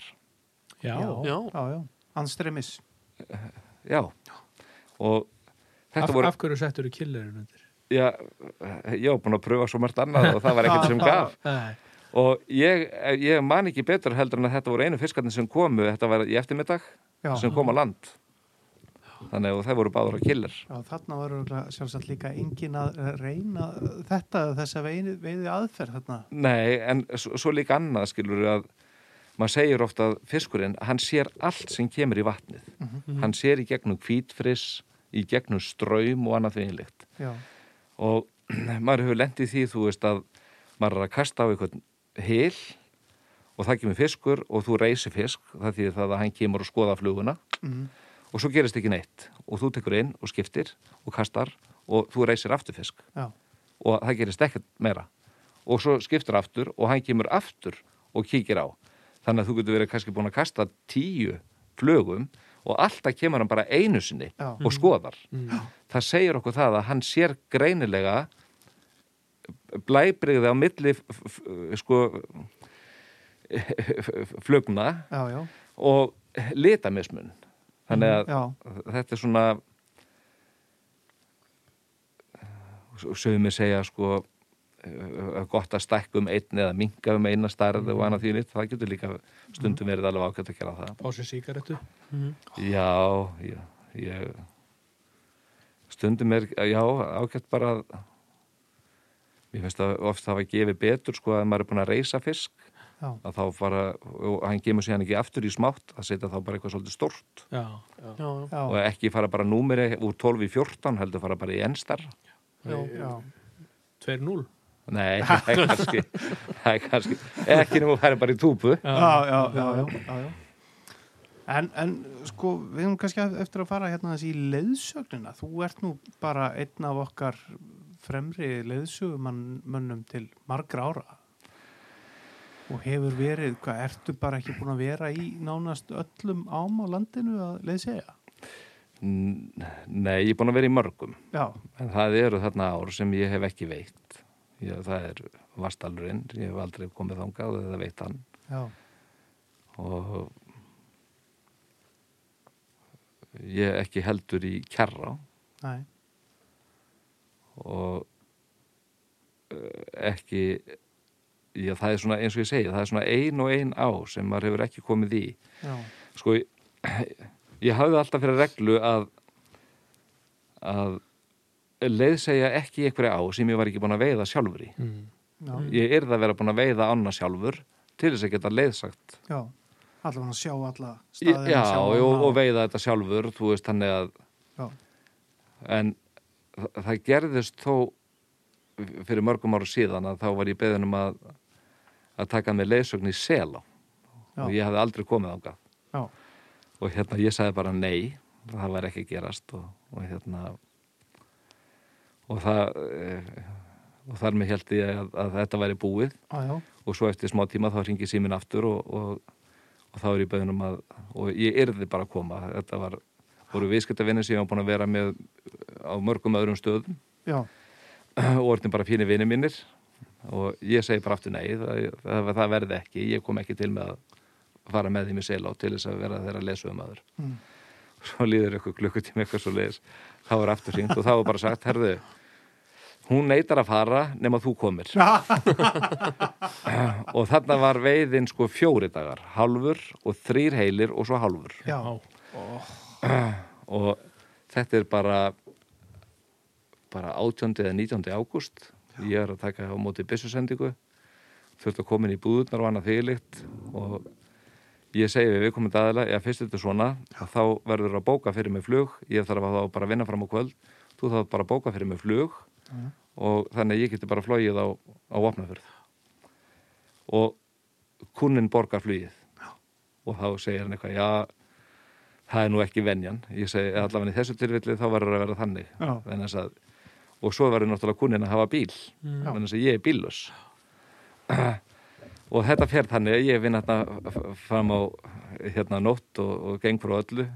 Og svo voru bara að kerðar í Vestlandar bara morgunin, Já. en ég flýg á Akureyri og fór á Akureyri til Vopnafjörðar já, og ég er búin að segja það í mörg ár. Að seláan er flottasta veiða á Íslandi. Það er bara punktur. Já, ég get alveg trúað því, bara, ég hef nú ekki komið þarna sjálfur eða veit þarna, maður hefur nú bara eins og svo margir bara skoða myndir af henni og annað og sé, sé, sé vídeo og annað þetta er alveg, þetta Þe- er þe- eitthvað annað Já, þetta er sko þetta er bara allar aðstæður sem er hægt er að hugsa sér Já. þú veist, þið lendið í þeim þarna mm. þið þurfið að vera virkilega lungnir til þess að lesa allt þetta vatn og hvernig þessi staðir eru Já. þetta eru djúpir dammar þetta eru strengir og, og, og það, það er bara þið finnir all, allar þær aðstæður. Þannig að þið, þetta svona reynir svolítið ámann þú veist að, að ná góðum tökum á þessu. Já. og svo er svolítið skrítið við þessa á að því að hún er að öllu jöfnum svolítið vassmikil Já. að þegar hún hækkar í vatni þá hækkar hún ekkert neitt rosalega mikið. Nei, þannig að tökustæðarnir að þeir eru svolítið mikið sko þeir sömu. alltaf þeir sömu þó svo hún ekki um alveg eitt og hálft fett eða já, að því að áin er svo mikil. Já. en samt sem ára þá breyta sömustæðirnir Já, þú veist, og það verður alltaf þannig eins og Bjarnarhylur sem er alveg frá bara gríðarlega langur. Maður getur bara eitt öllum deginum bara frá því að veiðan bara, þú veist, niðritir. Þetta er bara eins og dalsárósin Já. nema bara sinnum þrýr já, vá. Þannig að já, ég myndi segja að það væri allan sinnum þrýr Já, að alveg nýr á brot þegar vex pinliti í að þá er, getur uh, hérna, átt von á því að fiskur taki alveg frá bara fyrsta kasti og alveg þannig að þú er Já. komið bara niður úr öllu og bara niður á blábrotið að þar eru að taka fiskar. Þannig að en þetta fór nú þannig þarna, að, að hérna eh, hjónin sem ég var að leysa að, að þau voru með toppbrott já, þarna og, og gekk mjög vel já. og síðan náttúrulega sko bæði veit ég og, og var þannig leiðsögn í, í, í mörg ár já. og var þarna alltaf sko síðustu kannski tvær, þrjár vikunar á, á hverju vertíð já. þá var maður í seláni Vá. þannig að en þetta er alveg sko ótrúlega flott veiða og ef það væri einhver veiða og svona sem maður ef maður mætti bara velja eina á til þess að veiða í Já. þá myndi maður alltaf segja þessa á Já. bara Er hún ekki líka daldið tær? Jú, hún er mjög tær. Já. Hún er alveg bara, þú... En af því að það er svo mikið vatn, þá sérði ekki mikið fiskað, þú sérði þá ekki mjög vel. Nei. En eftir hérna, langa viðveru eða, eða nokkur ár, þá veist alveg það á að vera fiskar þarna. Því þú er búin að fá þarna fiska áður, þannig að það, þeir eiga að vera á þessum stöðum og svona. einmitt. Þannig að, Ég heyrði það líka hérna í, hjá einum félaga mínum sem að hefur gæta með þér á, í einhverjum ám að hérna, hann sagði að það skiptir engu máli ef að palla er að gæta ef að enginn fær fisk þá kom alltaf kúnan að palla með fisk. Það er eitthvað svona það er, er ekki alltaf til í því það er það er svona þegar maður er búin að vera lengi á sömrun og það er komin kannski bara 30 dagar eða 40 dagar og svona já, og það er komið þreita í mann og þá er það oft þannig þú veist að sumi dagar náttúrulega það myndast þannig aðstæður þú veist að hægt og rólega þá slöknar á ánum þú veist það hefur ekki ringt lengi og hýtast íð og vatni mingar og svona og svo er kannski klukkan orðin nýja á kvöldin þú veist og, og þá segir kannski kunin er þetta bara ekki alveg ónýtt? Og ég hef aldrei tekið undir það og ég segi alltaf, það er eitt er alveg pottjætt, þið fáið engan fisk heim í húsi. Alveg, Já. að, það er alveg 100% Já. Já. og, og það er til dæmis ein saga sem ég get sagt okkur að ég er að veiða í norður á og ég á gilið eða frá Myrkil og niður. Já, niður að hræsvelg. Og var bara einn að veiða og svo er ég búin að fara hérna niður á öllu og það voru fiskar en ég bara já það var lítið um fisk og ég, það bara gerist ekki neitt. Já, og svo labba ég hægt og rólega upp yfir og klukkan er bara að verða hálf tíu þegar ég stend bara í myrkil og það er að eina sem ég átti eftir að gera var bara að upp brekkun og labba upp í hús. Já, og ég er rosalega ósáttur við að hafa ekki fengið fisk og vera að koma úr gilinu. Já. það á að vera fiskur á ferðinni. Og þá er þetta að, að hérna eitthvað sem segir mér að herðu, ég hleyp nýr í Kvararhill sem er töluvert þarna fyrir neðan. Og ég hleyp neyrir yfir og ég komi bara þangað bara 10-12 minúti síðar og ég sé Black and Blue, nummer 14 ég nýti Black and Blue alltaf longtail já, og uh, bláa hakkilið Mm. að ég er ekki með það ringhakkel heldur er ég bara með það blátt yfir og blátt skegg Já, undir. já. og ég er búin að vera með það í mörg, mörg, mörg ársulegis og ég bara kasta og það er bara lax og það er annar lax og það er þriði laxinn og það er fjórði laxinn. Og á 15 mínútum þá tekið fjóra smálaksa alla bara nýgengna. Geggjað.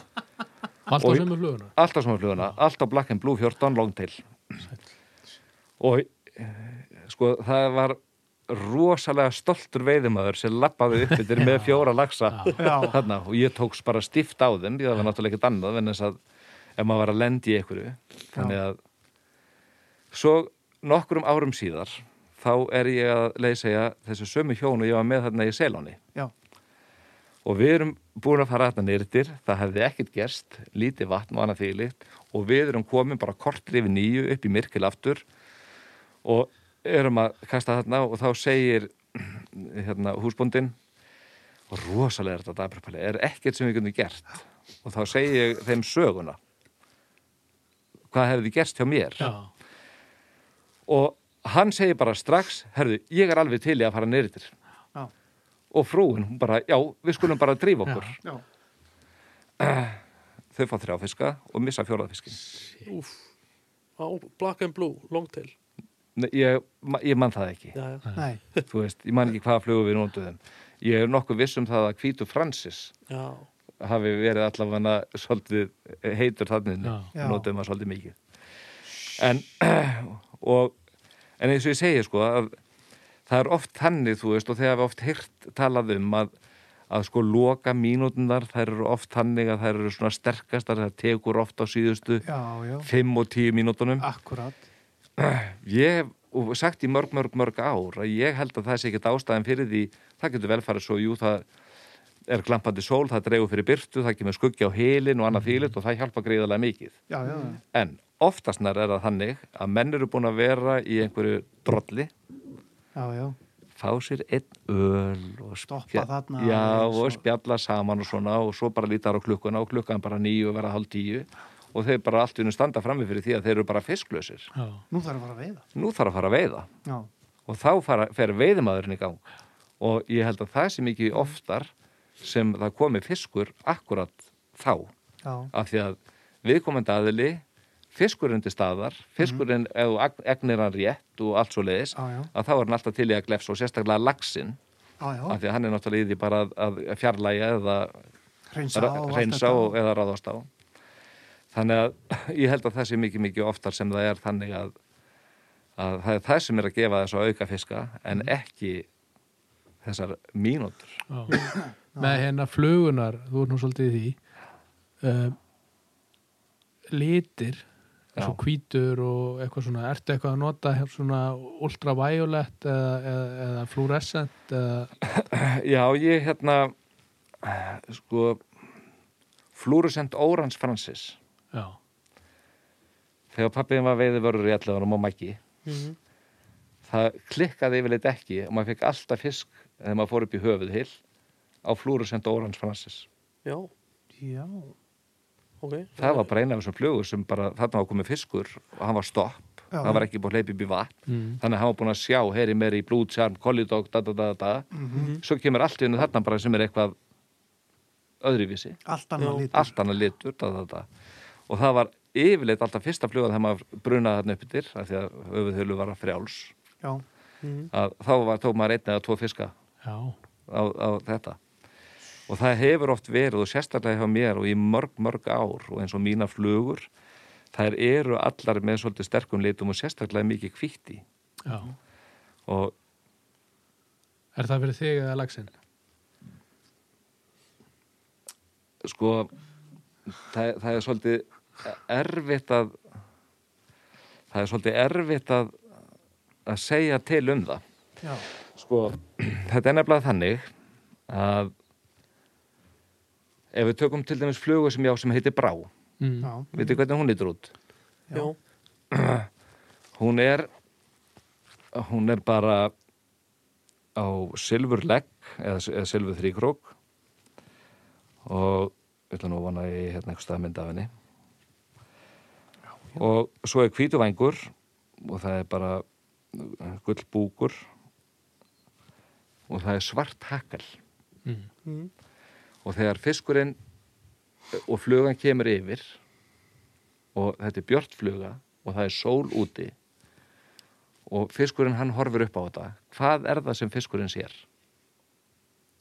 hann sér ekki þetta hvíta. Neða svarta. Hann sér bara já, hann sér ekkert annað. Nei.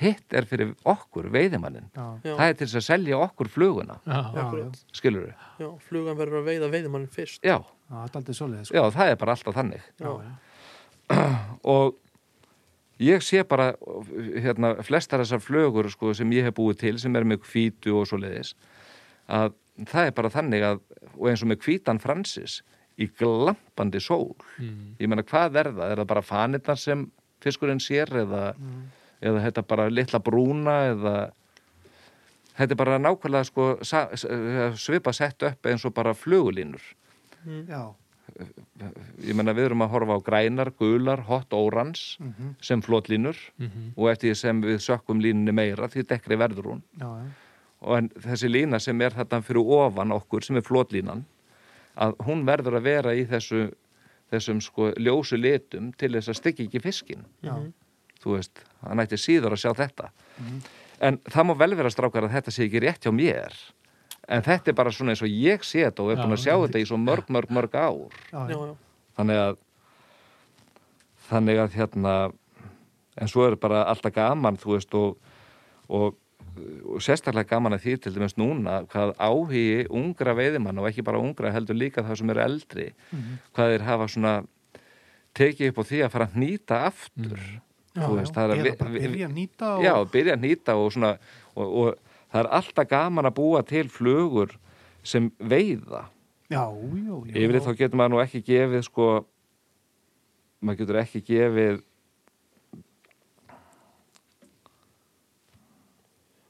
já, ég nýti flugur sem veiða en ég tek ekki mynda þeim. Nei, þið segja sko, brá er bara svona. Já, Já, við setjum mynd. Akkurat Já, hún er, hún er bara þannig að það er bara þetta svarta sem maður sér. Já, já. er það bara sem maður sér ekki. Já, já, ég var að gæta í langa í sumar, það var einn hana, eftirmyndaðurinn sem bara bráin hann vildi bara gera eitthvað þegar maður setti brá undir. Já, já, það er með 16-18 stegi hitti og sól. Var það, hvað var það? langa á Já, já. lang. Það var bara eins og ég og Átni vorum að tala um hérna áðan uh, settust aðeins niður og fengum okkur að borða og þá vorum við akkurat að kíkja á eitthvað og þá sáum við mitt ég var að sína honum flugur Níls var að setja einhverja flugu á vefinn sko. Ég var um að segja við Átna það er bara ekki fluga sem Níls nýti sem að veiðir ekki veiðimann sko. það er eitthvað við einhverja liti og eitthvað sem maður var það órans, óransflugan? Eh, já, já, hvað? Það voru eitthvað tvær, Já. ekki tvær típur mm, Jú, það var eitthvað. Já, hún var eitthvað með alls konar litum appisinu gulum grænum, ég man ekki hvað, hvaða flugu þetta var, anskotin ég hann á virkilega margar fallegar flugur. Já, já, alveg, já, einmitt Mjög alveg fallegar ótrúlega, sko. en, já, En það er, eins og ég segi sko, það, eins, já eins og ég sagði áðan, það getur vel fara svo að þetta sé alveg bara eh, eitthvað, en ég held að við sem veiðimenn að þá þurfum við að hafa einhvers konar, ég vil hafa hlutina svona og þið vilja hafa þá svona Já. pínlítið öðruvísi til þess að hafa trú á þessu og svona, það er sko. en það er akkurat þetta til dæmis eins og bara uh, þegar það kemur eitthvað nýtt og, og menn eru búin að berja heilin, þú veist, eins og ef við tökum bara á eins og bara kjósina, þú veist Mhm. að, frá því að fiskur kemur inn og hann er komin upp í póka eða þar af, að- hérna ofar í ána já, ég meina hann er búin að sjá allar þessar veiðiflugur Mhm. meira og minna sko fimm sunum eða tíu sunum já, og það er ekkert sem kemur honum óvart. Nei, og þá skiptar það svo miklu máli að vera með eitthvað sem er bara öðruvísi heldur en eitthvað annað. Já. Mhm. Þú hefur, einmitt, hefur ekki oft gert einhverja svona flugur sem að hafa gert alveg ótrúlega góð móti með svona þegar þær eru nýjar eða skilur sem að, hann er að sjá í fyrsta skipti og sko, verða svona daldi hot hot take fyrir lags og þegar ég nýtti í fyrsta sinn Blue Boy Já, það var í höfuð á Kristni heitnum Bjössinni, hérna fórstur að Skelljungs já, sjálfstæðismæðinni já, já og ég var búin að vera með spánveri upp á fjalli í Norðrá og átti síðan halvan dag bara í róli heitum hérna upp í húsi þar. Þá ákveði það að ég skildi hnýta flugu það skildi vera blátt í henni og það er náttúrulega blátt og hvít Já, Já, og ef hún myndi gefa fisk að þá var ég alveg ákveðin í því að ég ætlaði að skýra hana bláa drengin Blue Boy í höfuð á kristnið já Var hann kallaður þetta stundum? Blue, Blue Boy? Já. Nei, nei Nei, nei, bara, já, já svo hérna uh, fer ég bara nýr í aðalhús og, og, og þau koma og svona og, og við eigum uh, svona glýstaðabrú og, og raunbolla og raunbollanir í norðra eru svona meiri maðkapittir mm. Og það er raunveruleiki sko uh, á þessum tíma þá voru ekkit rosalega margir sem voru að fara í raunbollana til þess að veiða gaggjart á flugu. Þú veist, þetta var svolítið svona meira challenge að vera sko bara með maðk og þegar maðkurum var leiður og svona.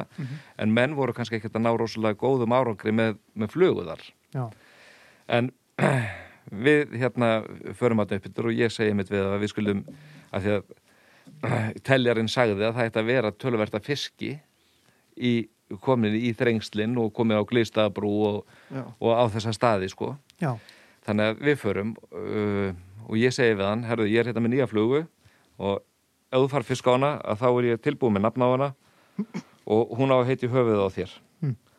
og hann segja já og svona Kristinn svo, ég, svo síni ég honum fluguna og hún sagði, já, þetta er fallið flug og svona.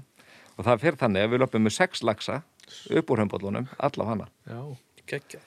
Já, og um kvöldið þá erum við mitt að segja þarna og Bubbi Mortens og, og, og frúinans fyrirhandi eru þarna líka að veiða. Já, og þau eiga stekkin og mér minnir ég hafi gefið Brynju einu eða tvær flugur og hún fekk fisk líka strax morgun eftir bara nýri stekk. Og svo bara gaf þessi fluga náttúrulega þú veist og er ennþá að gefa og er seld og svo leiðis já, já, já, en það eru náttúrulega sko fleiri flugur og eins og bæði tvíburinn já, og sjáandinn sjáandinn er ótrúlega öflug og mögnufluga alveg eins og tvíburinn. Stóri bróður, ég kallar þetta þríleikin af því ég nýti það þrjár. Já, það er svona svipaðar uppsettar bara mismunandi litir í þeim. Já, en tvíburinn og, og sjáandinn það eru alveg gríðarlega sterkar flugur. Mhm, mhm, og það er kannski gaman að segja frá hvernig þetta nafn kom til tvíburinn. Andilega þá hérna er ég að gæta upp í langá og var þar með hérna svona hjón, eldri hjón og Jónas hérna francis.is Já, hann er með hérna Doktor Jónas. Dr. Jónas. Já, hann er þarna með eigu konunni sinni og þau voru náttúrulega og Jónas flottu veiðmar og, og þau bæði og, og svona, en var maður búin að vera hérna svona lengi og var með uh, hérna puttan á púlsunum eða alveg hvað var að gerast hver- hverju sinni og, og hann sagði stundum sko, þegar þú kemur og hérna kíkir kannski á okkur. Og svo gerist það þarna í eitt skipti að þá var ég að kíkja þarna á sér fisk og ég kem svona Jónasi fyrir og segja kastaði þetta og lengra og lengra og svona halva metri viðbót og það bara bæng og leiksin tekur og svona og svo er það, það var svona meira svona frekar upp á fjalli og svo förum við á annan stað og ég, það, það svita þá í bílinum og ég segi, ertu búin að kíkja? og sagði, nei, það er gárar illa á þetta. Ég segi, ég ætla að kíkja? Og svo sé ég að það er fiskur og ég gef hann merkjum að koma og ég gef hann fyrir og hann kastar og svona. Og ég segi bara, það er bara örlítið lengra og hann kastar og ég segi, perfect kast og það bara bæng. Og svo daginn eftir að þá verum við að veiða hérna fyrir neðan krokodil í sjávarhólunni eða sjávarfossunum, sjávarhólunni Já, bara í lasthóp Já, já, já. eða fyrir ofan lasthóp. Og þá er hérna erum við búin að vera hérna í smá tíma að berja. Og það er þannig strákar að það er ekki sama hvernig þið komið að fiski. Nei, Það- Sérstaklega ekki grá, þarna, sko. gráðu hotnið nei, nei. Og ef þið komið alveg bara beint eða þvert á hann, ef það sem hann er svona þið komið bara svona, þá komist þið ótrúlega nálóttanum. Já, Aftur á móti leiður hvernig að vera svona eða svona já, að þá er hann miklu, miklu þannig að ég veð þarna eins úti og sé bara fiska og ég tek og ég segi svona, það er fiskur aðna og hann segi, ertu viss? Ég segi, já, já, ertu ekki búin að styggja hann, segir Jónas, ég segi, nei. Og hérna og við skiptum um flugu og það er kastað og þau fá fisk. Og svo segi ég bara, herri, ég ætla að fara hérna að kíkja á, á hérna, hitt fólkið og fjárþangað og svo ég kem heim í hús þá segir sko, segja þau eða hvort það var eiga, konarnas Jónasar sem segir, kemur Já.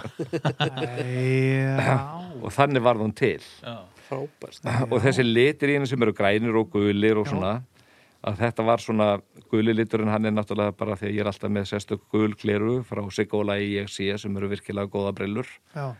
Og það er ekki bara ég sem notum kleru frá þeim heldur margir aðrir mjög Já, já, góður veiðimenn hann er sjálfur leiðsögumæður og mjög veit, svona, veit alveg hvað hann er að gera í þessu. Já.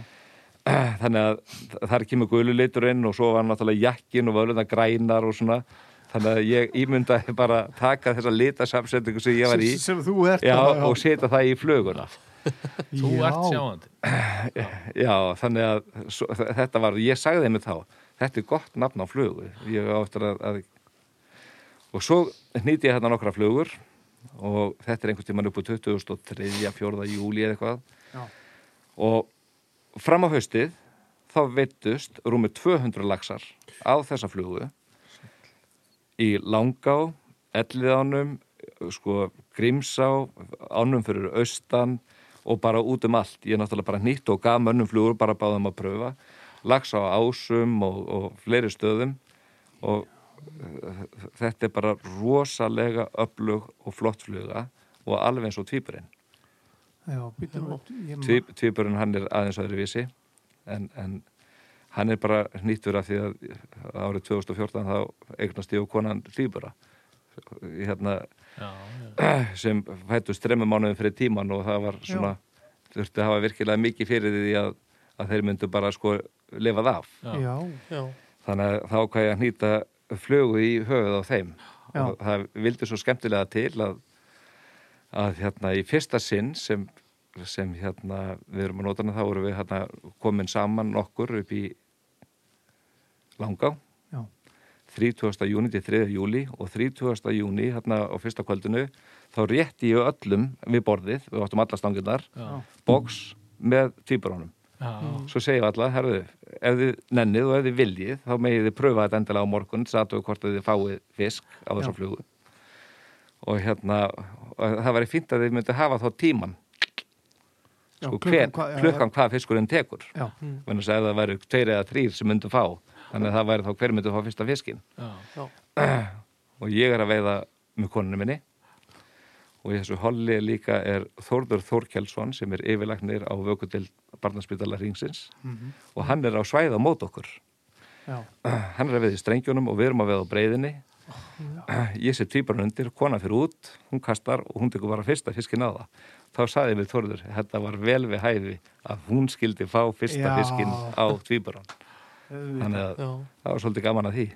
Geggja heldur betur. Þannig að en svo bara hefur hún verið bara mjög öflug og virka bara mjög fínt og, Já. og svo náttúrulega aðra flug, flugur eins og dísa og leifur. Leifur er virkilega fallið fluga. Já, já, þannig að svo er maður með alltaf eitthvað í kollinum sko, svona, og þar að með þessa nýju þarna. Já, Já. Ég, maður er eiginlega búin að vera hálf uh, sko átt eftir að sagði þetta, ég er Já. búin að hugsa hérna hvað er notað í útlöndu sem að Ég veit það strákar, við náum allan að snúa upp að hendina og þegar við erum búin að slökka Nei, hérna Nei, það, það Nú. en ég skal lofa ykkur því að ef hún gefur að þá verðið þið fyrstir frábært það er náttúrulega algjör, algjör lúksu sko en af hverju tekur lagsin? Af hverju eru þeir veiðistaðir bestir sem þrengir mest að honum? mm. mm. Er það, er það eitthvað varnar viðbröð?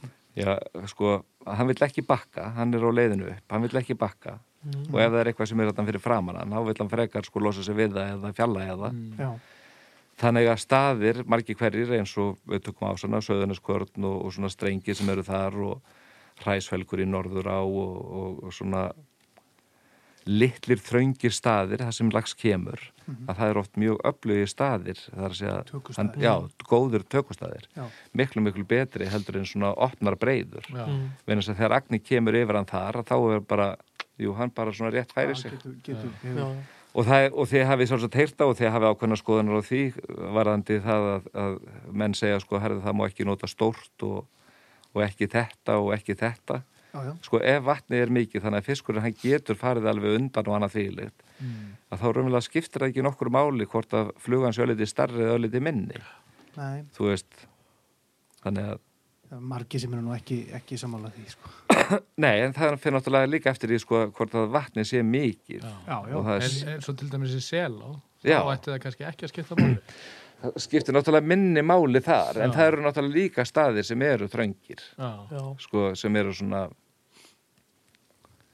en, en af hverju tekur hann? Ég held að það sé bara út af hann er að losa sig við eitthvað og það má ekki gleyma því að þessi fiskur er náttúrulega bara predator já, já. hann fer bara lítið seiði út og svo kemur hann hversu stór tilbaka það segur okkur það að eina sem hann er búin að gera þegar hann, frá því að hann kemur í sjó hann er bara búin að vera að drepa ráðast á og geta Já. Ef, ef hann drefst ekki. já, það er bara eðlið hjá honum það er bara, akkurat. já. þannig að akkur ætti hann að akkur ætti eðlið að breytast þegar hann kemur í anna Nei, Akkurat. þó svo að, að hann sé ekki að fæða sig þar eða, eða borða En það er kannski þá önnur, sko, bara að maður snýrið á kól, sko, akkur tekur hann ekki. Já, það var nú eitt sem saði hérna fyrir mörgum ára síðan að, að, að það myndi koma að því að, að þeir getur bara sagt að herðu, þessi lags tekur ekki en þessi hérna tekur. Já. Venna þess að það er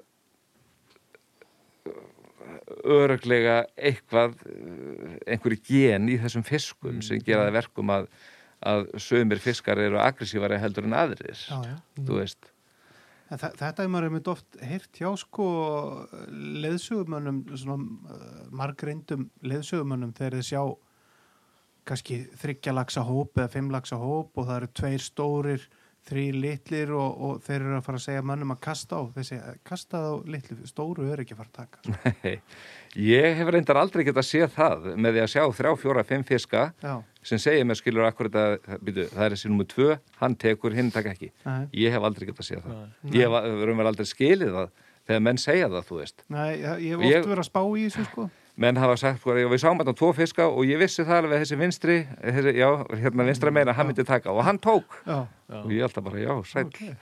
hvað þá með ég- Ekkur prófaði ekki hægri? sko. Já, ég, meina, ég hef aldrei getað séð það. Ég, ég man, eh, hérna, eftir einu tilfelli þar sem ég og félagi minn heitin vorum að veiða í miðfyrunum Já, góðu strengur niður anna, við stoppum á stað ég kíki svona, mikil gári á vatninu. Og ég sé tvo fiska eitt stóran og eitt lítinn. Og ég gef hann merki að koma, hann renni maðkunum og svo allar bara fiskurinn aldrei að taka og hann er búin að vera örgulega sko, í eitthvað 20 mínútur og ég upp á svona klettunum að segja hann til. Og ég segi bara, herðu hættu þessu bara, við, bara, við skulum fara við skulum vera ekki eða tími í þetta. Þá tekur svo minni, já. hann var 17 pund. Já, hann var 17. hann var 17 pund Jésús. þú veist, en af því að vatnið, bæði strengurinn og lætin voru svo mikil í vatninu Já, að hefðu þetta verið fiskar bara fjögur, fimm, sex pund, þá hefðu maður aldrei séð þá. Nei, Já. nei, Skilurðu? einmitt. Akkurat. En af því að það bara gáraði svo mikið að maður sá bara þess að skugga þarna bara, þú veist, í Og gerðu ykkur rókinu. kannski ekki grein fyrir því hversu ein- stórir. Nei, enga veginn. Nei. En hann var 17 pund. Jús. Þannig að það hefur verið gaman að vita hversu stór hinn hefði verið. Já, já, já. En allavega vel yfir 20. já. Já, já. En uh, förum aðeins aftur í leiðsögnina. Þú hérna, það er engin í þessari leiðsögn nema að hafa virkilega gaman að því og, og kannski bara, þú veist, önun. Þú varst í þessu í ansi mörg ár og ert kannski með puttana eitthvað í þessu ennþá. Sko, þegar maður er búin að veiða mikið og, og, og sko, það er fátt sem gefur manni meiri ánægju heldur en það að sá sem er með þér Mm. að hann fái að upplifa það sama. Já, þú veist að hann fái fisk og hann fái að njóta þess að, að jú þannig fiskur hann er búin að reysa hann og já tökum inn og skiptum um flug og kostum á hann og kasta það aftur og hann, hann skoða þetta aftur þú veist og da, da, og, og það magnast upp þessi spenna og svo tekur fiskurinn og hann landar maður og þess að þetta var flott hjá þér þú veist og, já, og þetta eru kannski aðila sem eru kannski ekki búin að veiða neitt rosalega marga fiska en eitt svona fiskur gefur þeim alveg sko ómælda ánægju. Já. og þegar uh, uh, þessir hérna veiðimenn sem fá svona fiska og, og, og verða kátir og gladir og annað því leitt ég held það að, að mér sé óætt að fullir það að gætin, leðsumarinn hann fær sinnum tveir. Já. Já, út úr þessu mómenti því sko. hann er búinn að gefa allt og leggja allt frá sér Já. til þess að, að kunnin fái Já, og fái. náið þarna einu dýri mm, og svo gerist það og þá bara yes, þú veist, ég vissi þetta þú veist, það er bara, Gekkja sko. já En Og- hefur, hefur tekið eftir einhverjum mun og finnst þér þægilega eða, eða þetta er bara allt eins eftir að maðkurinn fór úr ánum? Meira challenge, er þetta, f- fannst þér eitthvað? öflugasta veiðitækið af öllu er fluga. Já, í öllum þessu veiða maðkur, það er bara einn maðkur eða tveir skoskur. Já. já, já, en þeir eru með svo rosalega marga varjósjónur af flugum, túpum léttum, þungum já, mismöndi liti og annað, já, allt saman. Allt bara. Og þið getið allstað komið flugunni fyrir. Þið, þið sjáuð áinni breið og það eru strengir, það eru steinar og þið getið alltaf lagt fluguna þannig að hún fari yfir fiskin og allt svo leiðis þetta er ekki hægt að gera allstaðar með nei. þó svo þverkastir og annað þýlitt þú veist að þannig að öflugasta veðitækið er fluga í lagsveiði og bara almennt í veðiskapt segi ég. Já, og öflugustu flugurnar eru smáflugurnar mm, já, já. og ég segi að það er engin flug og öflugri heldur en 14 já, svona heilt yfir. Rí, ríkistærðin já, bara 14, Ríkistar- já, bara 14. Það er daldið, já. það er Já. bara Já, þannig ég er með eina spurningu. Það er svona við, við tækir sem er svona eiginlega útdöytt mjög fórningu að þú veitir einhvern tíman eitthvað á Devon. Já, já, já, já, Væntanlega, Ég- já, já.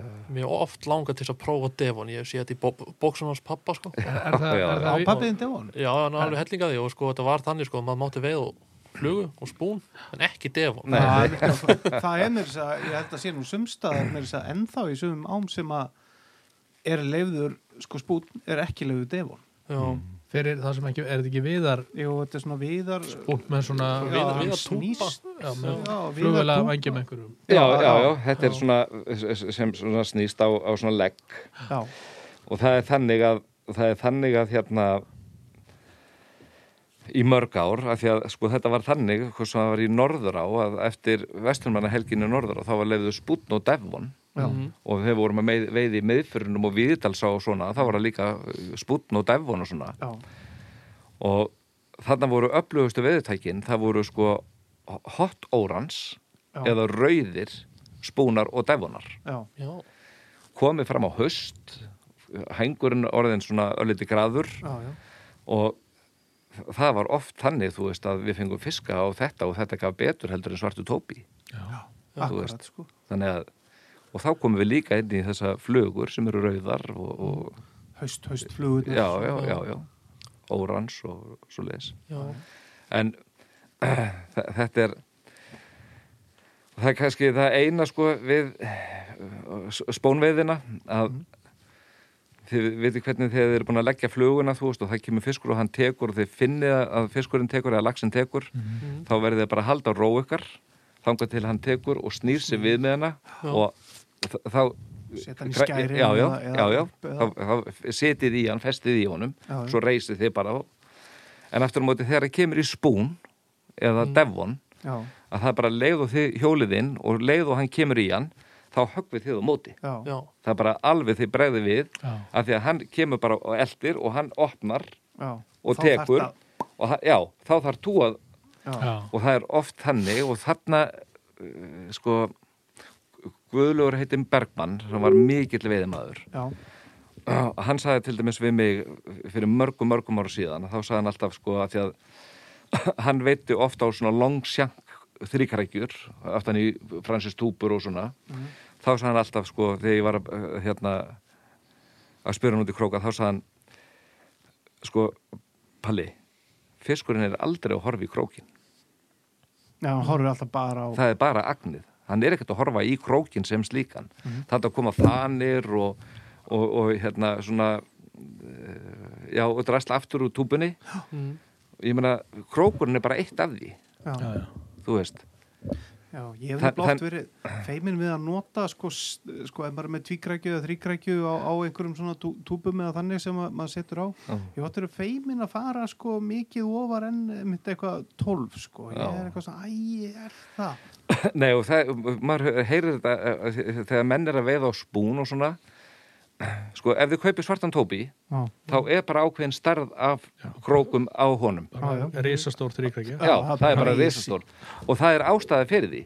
Já. það er af því að þetta gefur best og heldur best. Já, akkurat. Svo aftur á móti eru margir sem segja sko, herðu, já, vera bara með nógu litla króka sko, þetta, það bara festi betur. Mm. Ég held að séu bara þeir sem uh, fatta það ekki að þegar fiskurinn kemur í og heggur í hann að þurfa að brega það við og þurfa að, já, að setta já, aftur á móti með litlu krókana að það eru náttúrulega að finna minna fyrir því en ég veit það ekki, en það er ástæði fyrir því að hverju krókanar eru svona stórir. Þannig maður að, maður sér þetta sérstaklega hérna já, bandaríkjamönum sem við að hérna bass. Já, Já. þeir alveg sko bara Já. alveg, alveg bara já, já, alveg, algjörlega. Já. það er engin er sko mamma þar sko. Nei, en það er hann með stóran munn sko og, hérna, Gleipir þetta andar þessu að, að, að sér. Já, En það er eitt sem við ætlum líka aðeins að droppa hérna inn á og, og, hérna, og kannski aðeins að fá smá upplýsingar hjá þér. Að sko í fluguveðinni að þetta að strippa flugu í lagsveiði Mm. uh, erum við eitthvað á rángri hillu ef við segjum að þú að veri svona einn af þeim svona fyrstu sem að vast aldrei mikið í að, að strippa satt, flugur? Sko, ekki þetta bara þetta venjulega svæp eins og var hérna? Já, traditional 45 gráður og bara dött og dött dreg já. og, og, og búið. Sko það er gríðarlega fær veiðimaður og leiðsögumadur sem heitir Árni Guðbjörnsson. Mikill eðal drengur já. Og hefur verið í Dölunum og í, í Víðurdal og Vastal og út um allt. Já, Og hann kendi mér ansi margt í sambandi við fluguveiði. Og í fyrsta sinn sem ég fór í elleðarnar að þá fekk ég hann árna til þess að lappa með mér og sína mér efrasvæðið í elleðunum. Og við fórum náttúrulega eh, hérna, hérna uppi dyr og, og hann var að mynda að segja sko og þá var hann búinn að veiða á stripp og einhverju kanar sem hefur komið hingað heim sem voru búin að veiða svolítið mikið á stripp og var að segja að þetta veri sko miklu, miklu gjöfulla heldur en annað. Eðlilega var þetta gjöfulla, sko nýju af hverjum tíu voru bara með deadrift. já, Mm. Það vantaði allt líf í fluguna. já, Svo komu menn með stripp Mm. og þá náttúrulega var þetta eitthvað bara sem var bara eitthvað nýtt, allt annað bara aðra önnur reyfing á flugum og öðru slíku. já, Þannig að hann bendi mér á þetta og hann kenni mér þetta. Og morgunin eftir, þegar ég fyrir í allavnar, að ég seti í tólflaksa, alla á fjaraflugu, Thunderend Lightning, já. nýtt af Bjarnar Róbert, tannsmið. Þá nýtti hann mikið af flugum.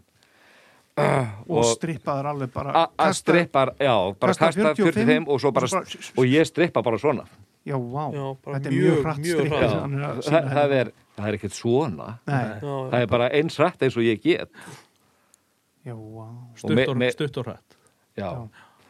Og meiri segja sko, ef maður kemur í staði eins og Káranesfljót eða Álabakka í kjósinu og svona, maður setur sönri út, kastar maður bara út, setur bara stöngina og svo bara svona. rólipóli Róli póli Já. Sjá það koma bara alveg, þú veist bara, og svo gerir maður öllítið hæga næst og þá er bara, dom en uh, Árni hann kendi mér þetta og svo í mörg, mörg ár, þá hef ég bara veitt á að því að þetta gaf mér strax þarna bara þennan dag Mm. og virkaði svona rosalega vel. Ég held ég hef nú ekki landað með einhverju 5-6 en ég setti í 12 lagsa þarna. Já, og, og alla á þessa einu sömu fjadraflugu Thunder and Lightning.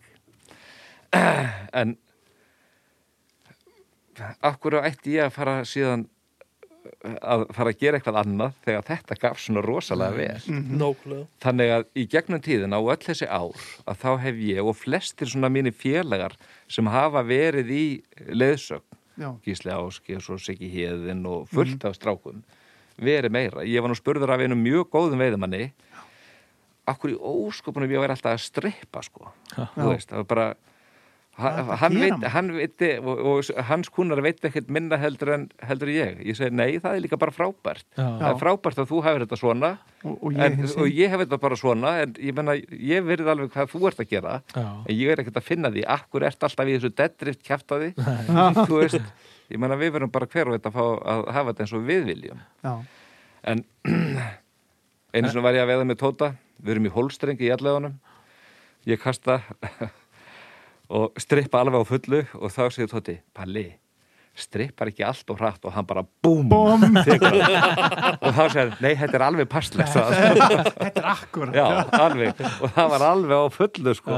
Er, er þetta aðferð sem þú notar uh, engönguðu eða ert að blanda þessu saman byrjar kannski að svæpa svo þú búin að Nei, nei, ég, ég ef ég kem að veiðihill sem ég finnst vera líklegur og ég veit að það eru fiskar svona, Já. þá finnst mér rosalega gaman að, að svona hitsa fyrstu umferð Já, já, já og bara sjá svona viðbröð og svona Ert að, ert að nota, hvað ert að nota í hitsi? Ert að nota túpur eða ert að nota einkrækjurnar? Ég hef notað allt frá einkrækjum, þríkrækjum bara beint á þríkrækju Já, túpur Já, nei, ekki túpu Nei, já, Bara- já bara þríkrækjur og bara. Portlands Já.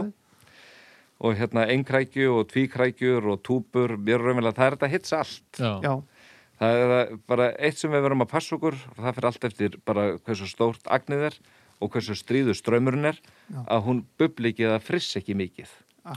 Að það sé svona reyn gára þannig að það er svona kannski það sem skiptir svona mestu máli. Mhm. en já, já, svo þegar maður er búin að fara kannski með hitsi og það gerist ekki neitt svona longtail-flugur finnst mér virka svolítið vel. Já, einna helst ef ég ætla að veiða algjörlega deadrift og þá eru kannski Madeleine 16 sem ég finnst vera gott að kasta bara og láta hana bara vara. Og þá eru oft kannski svona eða dumbungur eða aðeins fara að líða eða koma fram á kvöld eða eitthvað svona. Og svo eru tvær aðra flugur sem eru óbóðslega sterkar an, annars vegar önnur í, bj- í björtu veðri og hinn í dimmviðri. Það er blútsjarm og herri meiri. Já. Já. þetta eru algjörlega sko spútnik Mm. veðutæki já, og allt, allt, allt og lítið nótuð þetta Já. er búið að vera uppáhalds flugurnamanns í bara mörg, mörg, mörg ár. Mhm. já, Já, þannig að heldur betur. Ég veiti mjög minnist að hann lags í Andakilsá í sumar á Blue Charm minni minn númer 6 eftir Stefán Hjaltisteð já, já. Já, þá maður búin að prófa smáflugur og sönrei og eitthvað. Gekk ekkit var sérstaklega þetta tvíkrækja nummer 6 Já, já, já. og bara fyrsta kasti. Búm. Minni með þú segir þetta sko, við vorum búin að pröfa hérna í, upp á Dal í norður á, fyrir mörgum ára síðan sko, hefur mig kunnað þar. Búin að pröfa alls konar 12 og 14 og allt svona.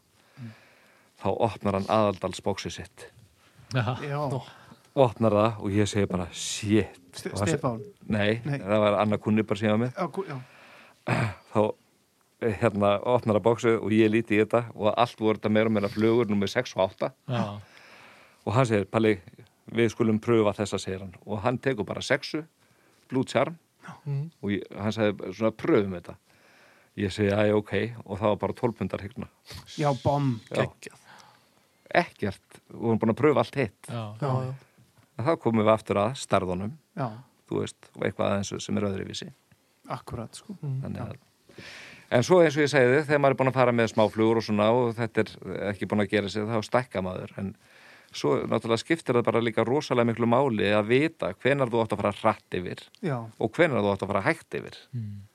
Þú veist, þú ferði árnar, þú ert í göngufiski, það er 10. júli eða 20. júli og það er allt alveg á full sving, gott hitastig og allt yfirborstökur og svona að þú veist að þú ert eftir að fara í þennan hil og það á þessum tíma þá er fiskur þarna og þarna og þarna þá er oft þannig þú veist að maður fer til dæla hrætt yfir og tekur hörðustu tökufiskana Mm.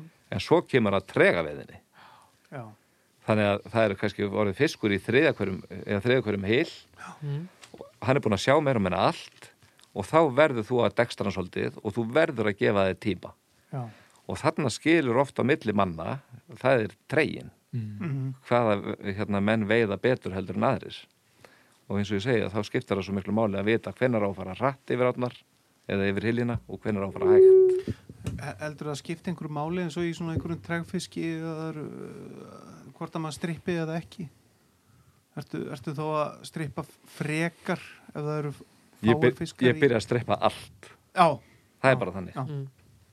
og eins og ég segi, ég nota uh, sko deadrift sára, sára, sára seldan já. Nema Bara- kannski einni á. Já, langa á. Já, og það eru þetta nokkri staðir í langa sem eru svona svo eins og þegar við komum að túbónum Já, sko túbur geta verið rosalega skæðar. Og þegar maður segir að, að það sé nánast ég hægt að hitsa túbu já, snældu eða fransis, tveggjatómu. Sko það hefur ansi oft komið fyrir það sem maður hefur bara farið og nú er til dæmis var einn góður veiðumæður sem rendi oft svona fransistúpum, það var hann gulli heitinn. Og var þá með þessar stóru longsend króka og svona og fyrir mörgum ár síðan þá fór maður náttúrulega að pröfa þetta líka sko, það er náttúrulega að að pröfa allt. Já, já. að ef það voru strengir og ef maður fór á þannig staði að það þurfti ekkert að setja sökku. Þú varst bara með flugustöng og setti bara svona túpu á Já. flótlinu, svo bara renduru og stundum var túpan ofan á og stundum fór hún rétt undir og svo aftur ofan á og rétt undir og þær kom upp og taka þetta. Já. bara snældur og tvekkatömmu fransessa þetta er ótrúlegt en Já. þetta er bara þetta er bara svona já. Já. ég meina, akkur heldur þau takk ekki þetta eins og andarunga eða já Eða eitthvað annað. Já, já, Já. þú veist, stóra tópía og svo framvegis akkurat sko. Devon Já, það Já, er eiginlega, sko, spúnin, sko, eigðilegur alltaf þessar smáflugu perrapælingar, sko. Að að það verða að vera lítið og, og, og, okkur um rosa hægur hraða og já, já. já, svo getur bara einhver komið spún og, og, og veit hérna, já, hann er á miklu, miklum hraða skilur, Já, kastar hann og svo ertu bara miklu stærri, miklu meiri læti. Já, já, Shiny Nei, nei, Já. maður hefur líka sko verið og komið eftir vaktina og einhverju hefur komið hérna með fisk og kannski tvo fiska og, og svo spennum hvað tók hann. Og þá koma með eitthvað og hvar. Þá segir maður, já, hérna þetta hefur nú aldrei gerst hjá mér. Þá er þetta bara eitthvað svona beginners luck fyrir að gera bara eitthvað og þeir fá fisk á þetta. Já, Já, já, þú Já, veist, og það er kannski vegna þess að þeir gera bara eitthvað sem er ekkert eins og til dæmis stótti minn einu sinni í Kvíslafossi kjósinni þá var ég búin að vera að segja henni til og segja henni að kasta svona og svona og svona. Og það var ekki að gera sig. Og bróðurinn hann fyrir svona líka aðeins og það er ekki að gera sig þá sagði við strákið minn verðu, við skulum bara fara þetta. Gerðu bara svona vilt. Já. og bara til stuttastund þá var hún komið lags á. Já, já, bara þá var hún bara að gera eitthvað þú veist bara, sett fluguna mjög stutt út já, já, þetta er bara þannig að Mm. það er ekkert garantí í þessu. En Já. það væri ekki gaman að því að það væri. Nei, nei, ég var að, ég var að gæta hollending hann að 2017 þú, nonni geði kannast við hann. Jóhann Putt nýtari frá Hollandi.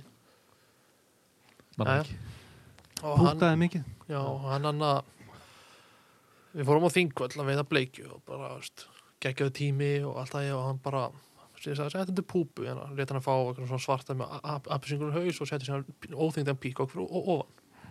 Ok. Og síðan sagði hann bara, ef þetta virkar ekki eftir tærmjöndar setja ég undir vulliböggar ég bara, nei, nei, nei, nei, enga vulliböggar, Mm. púpur. Fór hann á eftir fimm mjöndum, búm fiskur á og bara, vá, geggjað á flottu fiskur Mm.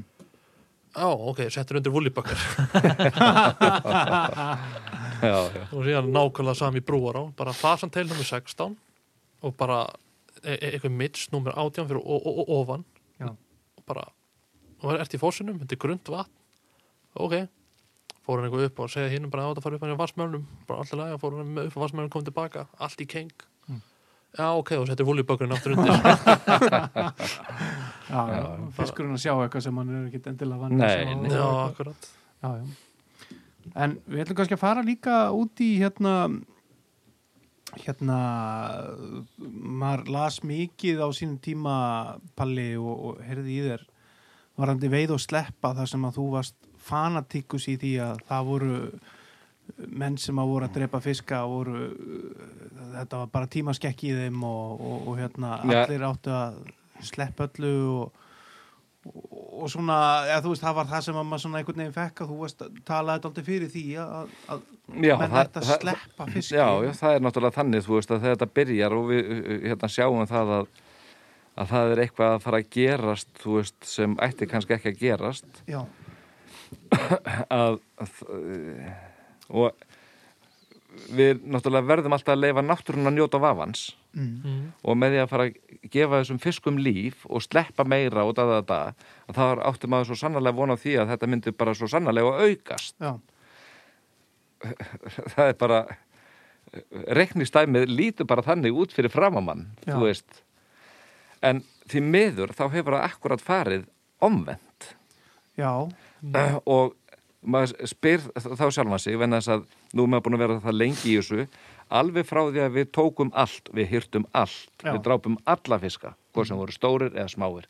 Já, það var allt tekið með í bæinn og það var getið smám saman að þá förum við að gefa alltaf meir og meir líf og annað þvílíkt og svo er þetta komið þannig að það má bara helst ekki verið hirða nokkuð skapaðan hlut. Mhm, þið farið í eitthvað veiði á þið megið taka, þið farið kannski tveir saman með eina stöng. Fyrir hátegi megið þið taka einn. Eru hefnir þá megið taka annan eftir hátegi já, þannig að þið fáið sikkert fiskinn. Já, en oftast nýr eru þessi kvótar einn eða þrýr eitthvað rúta vegna í staðin fyrir tveir eða fjórir af því það er alltaf tveir um stöng. Já, En á sama tíma að þegar við drápum allt að þá erum við að tala um það til dæmis að eins og þegar maðkurum var leiður í Langá. Mhm, 20. ágúst og fram til 20. september þá eru að veðast pluss mínus 1000 laxar mhm, bara á maðk mhm, og svona er þetta ár eftir ár eftir ár mhm, Mm. það er ekki að gerast í dag eða nei, Nei. og við horfum á norður á að þegar við fórum niður gilið einhvern tímann 3. til 7. 7. til 9. 9. til 12. júli og þú átti bara að varst með tvær stangir og fórst niður frá Myrkil og niður þá varst að setja í 20 til kannski 30 og kannski upp í 40 laxa já, á þess að tvær stangir. Mm. sko laugakvörnin, bara við varst í stútnum í laugakvörn að það var bara þannig bara þú veist að þú bara hjekst í stútnum að það var bara þannig að þú setti kannski bara í 20 laxa bara á eina stöng þar. Já. þú veist, alltaf í því og taka þú veist og landa og, og maður með laxabera töskur og þær voru bara, maður held á í höndunum og, tösk, taskan var full. Og það sama gerist þar að það er farið að sleppa og da da da, da og veiðin bara vestnar Mm. en strákar á sama tíma og nú er ég ekkert að segja og ég er ekkert að alhæfa það að þetta er það sem hafi verið gert en ég held að á mörgum stöðum hafi það verið gert. Þar að segja, það er búið að sleppa svo mikið af fiski það er svo mikið af fiski í ánni Já. að hún á bara að vera sjálfbær og á bara að geta séð um sig sjálf. Já, nei, það er geta það ekki. Það er algjörlega komið á reynd já, við sjáum það bara með ef við tökum bara vastalinn Mm. já, ég meina, hvað er búið að sleppa fiskar í mörg ár? Rúm 20 ár. Já, og það er ekki að fungera nei, En hvernig væri hún ef við hefum ekki sleppt fisk? já, það vitum við ekki. Nei. mm, en það sem við vitum klárlega já, að það sem við höfum verið að breyta þessu þannig að, að við höfum sko minka kvótan og menn með að taka bara minna og, og það þarf að helst að sleppa öllu að þá vitum við það náttúrulega að það verða fleiri fiskar eftir í ánni. Já, en vistkerfi árinnar það ber bara segjum 1000 seiði. Já, og það er búið að vera þannig í mörg ár að því að menn hafa alltaf bara veitt og tekið, veitt og tekið og veitt og tekið. Mhm, og svo allt í hennu breytist þessi flóra þannig að í staðin fyrir að þessi veitt og tekið þá er það bara veitt og sleft mhm, og það verða til 2000 seiði í ánni. Já, Já. og þá þarf að fæða þessi ekstra þúsund já, á kostnað hinna þúsund. Já, já, Já. ok. Og það er kannski ekki nægilegt æti til í ánni. Nei, þannig að þúsund deyja þessi auka þúsund deyja mhm, hversu sterk og öflug eru þessi þúsund sem voru þegar þau ganga til sjávar? Þessi þúsund sem dóu þau voru búin að geta x mikið frá hinnum ekki? Mhm, en ég meina þetta eru bara vangaveltur. Já, akkurat, bara, það er bara verið, þú veist afskaplega bara- gaman að tala um þetta og velta alls konar svona já meina en, upp, en það, það segir sér sjálft. Já. og síðastlega ástrákara því að þetta hefur verið upp og niður, aðalega niður Já, í sambandi við þessa lagsveiði og í þessum lagsveiði ám já, að þá hafa bara menn gert óskup lítið annað heldur en bara það að sleppa og lefa þessu bara að vera svona og gera ekki neitt. Hérna áður fyrir, það voru sleppið þarna hinga og þanga upp í norður á og svo framvegis. Já, og þarna voru menn að veiða já, er að koma aftur, að koma aftur. af gefnu tilefni já, já. og það gekk rosalega fínt og þarna hyrtu menn ég meina, það var ekkert óeðlegt að, að sjötta til nýjönda eða nýjönda til stólda í norður á að það voru drefni 2-300 laxar á 12 stangir á, í einu holli Mhm. Já. þú veist, það var bara og svona var þetta ár eftir ár eftir ár eftir ár, já, já. þú veist vissulega sko heldur ég hérna að la- laxastofnin á Íslandi eh, hafi verið eh, veikari fyrir 2000 árum þegar það var engin maður að veiða heldur en fyrir 50 árum þegar við veitum og veitum og veitum Ég held að ef við skoðum þetta allt saman því, þegar Kílavíkin kom hérna upp í elláðunum mm auðvitað fyrir einhverjum x hundruð árum síðan hefur komið upp einhver pesti mm. Já. í þessum ám og annað fyrir sem hefur síðan jafnað sig og svo framvegis og ok, þarna var talað um að þetta hefði orðið af mannavöldum Mhm. en við vitum að það eru náttúru hamfarir í hinn og þessu og akkur ekki í, í fiskveiði eða lagsveiði eins og öllu öðru. Já, já, og þá segja maður sko við sjálfan sig fyrir 2000 árum það er útlokað að segja maður hefur heyrt það að bændur að þeir náðu sér í lagsa með því að fara það sem lagsar höfðu frosið inni og ná sér í svoðið, það er bara frosin lags í ánum. Já, eitthvað hefur verið af lagsi já, já, Já. á þessum tíma. Já. en menn fari ekki núna þó svo að botfyrir og náðu sér í lags Nei, nei, hann er ekki til. Nei. nei. Byrju, ekki, sko. þetta segir eitthvað. Já, og menn voru eins og þú eh, nefndir menn voru bara með ljós og kvíslar Mhm. já, já, já. ég get ekki nefnt eina á þess að hún færi með ljós núna og einhverja kvíslu og allar að fara að móka upp lagsi Það er bara hverki sko. nei, hann er bara ekki til. Nei, nei. þannig að var kannski meira af lagsi í ánum hérna áður fyrr? Við veitum það ekki, en allavega meða við það sem maður heyrir að þá hlýtur að hafa verið töluvert meira af lagsi En líka kannski ef, ef við spáum í því, þú veist, hérna fyrir, ef við fyrir bara 30 ára aftur í tíman þegar það var alveg mökkur að lagsi allstaðar og menn drápu alveg út í eitt, miklu meira lagsi en, en var þá ekki líka meiri hrygning og miklu meira segðum í ánni heldur en í dag? Því að við sjáum, sjáum fram á það að veiðin í dag er svo miklu minni og við erum samt að sleppa meira og eitthvað.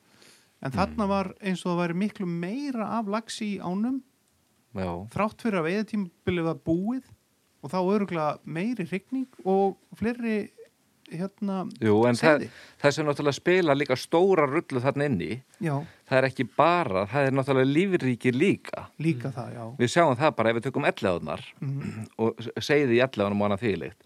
Ef við horfum bara á bara þessa mengun frá breiðholtinu, götunum, asfaltið og svo framvegis sem koma þarna úti, hvað verður um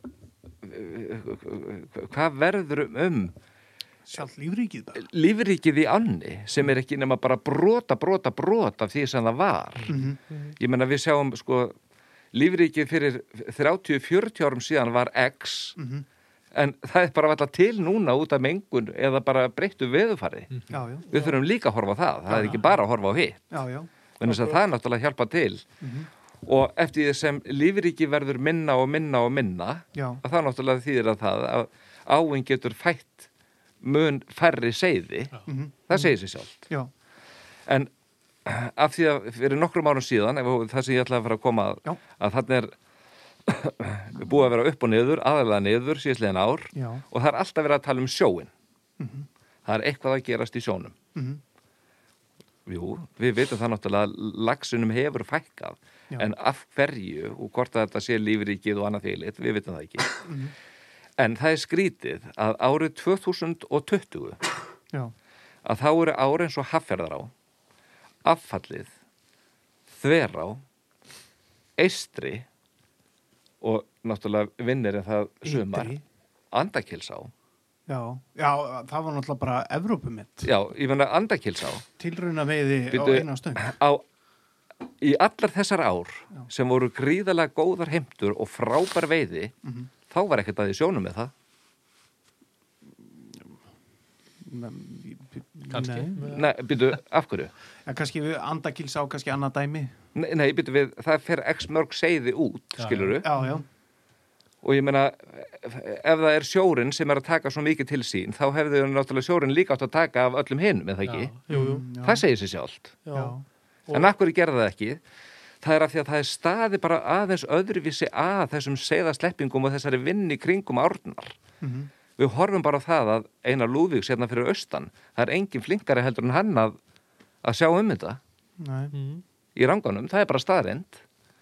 Og við horfum á þessa menn sem voru í andakilsáni að þa- þarna vöktuður anna og þeir gerðu bara allt upp á tíu og þeir uppskáru akkurat eftir því. já, já Þá segir maður, hvað eru hinnir að gera?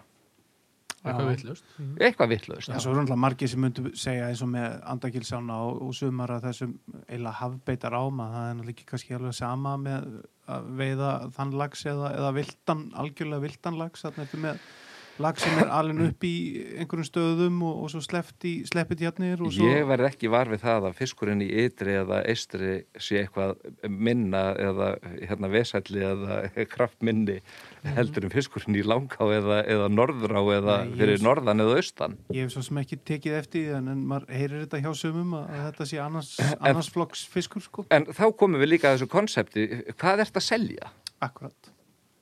Þú veist, ef það er þannig að það er ekki til neitt sem heitir náttúrulegu stopni í ánni Nei. og þá að geta að fara að hjálpa eitt eða neitt, Mhm. allar að ennþá að fá 150 skall fyrir stöngin á sko þann daginn.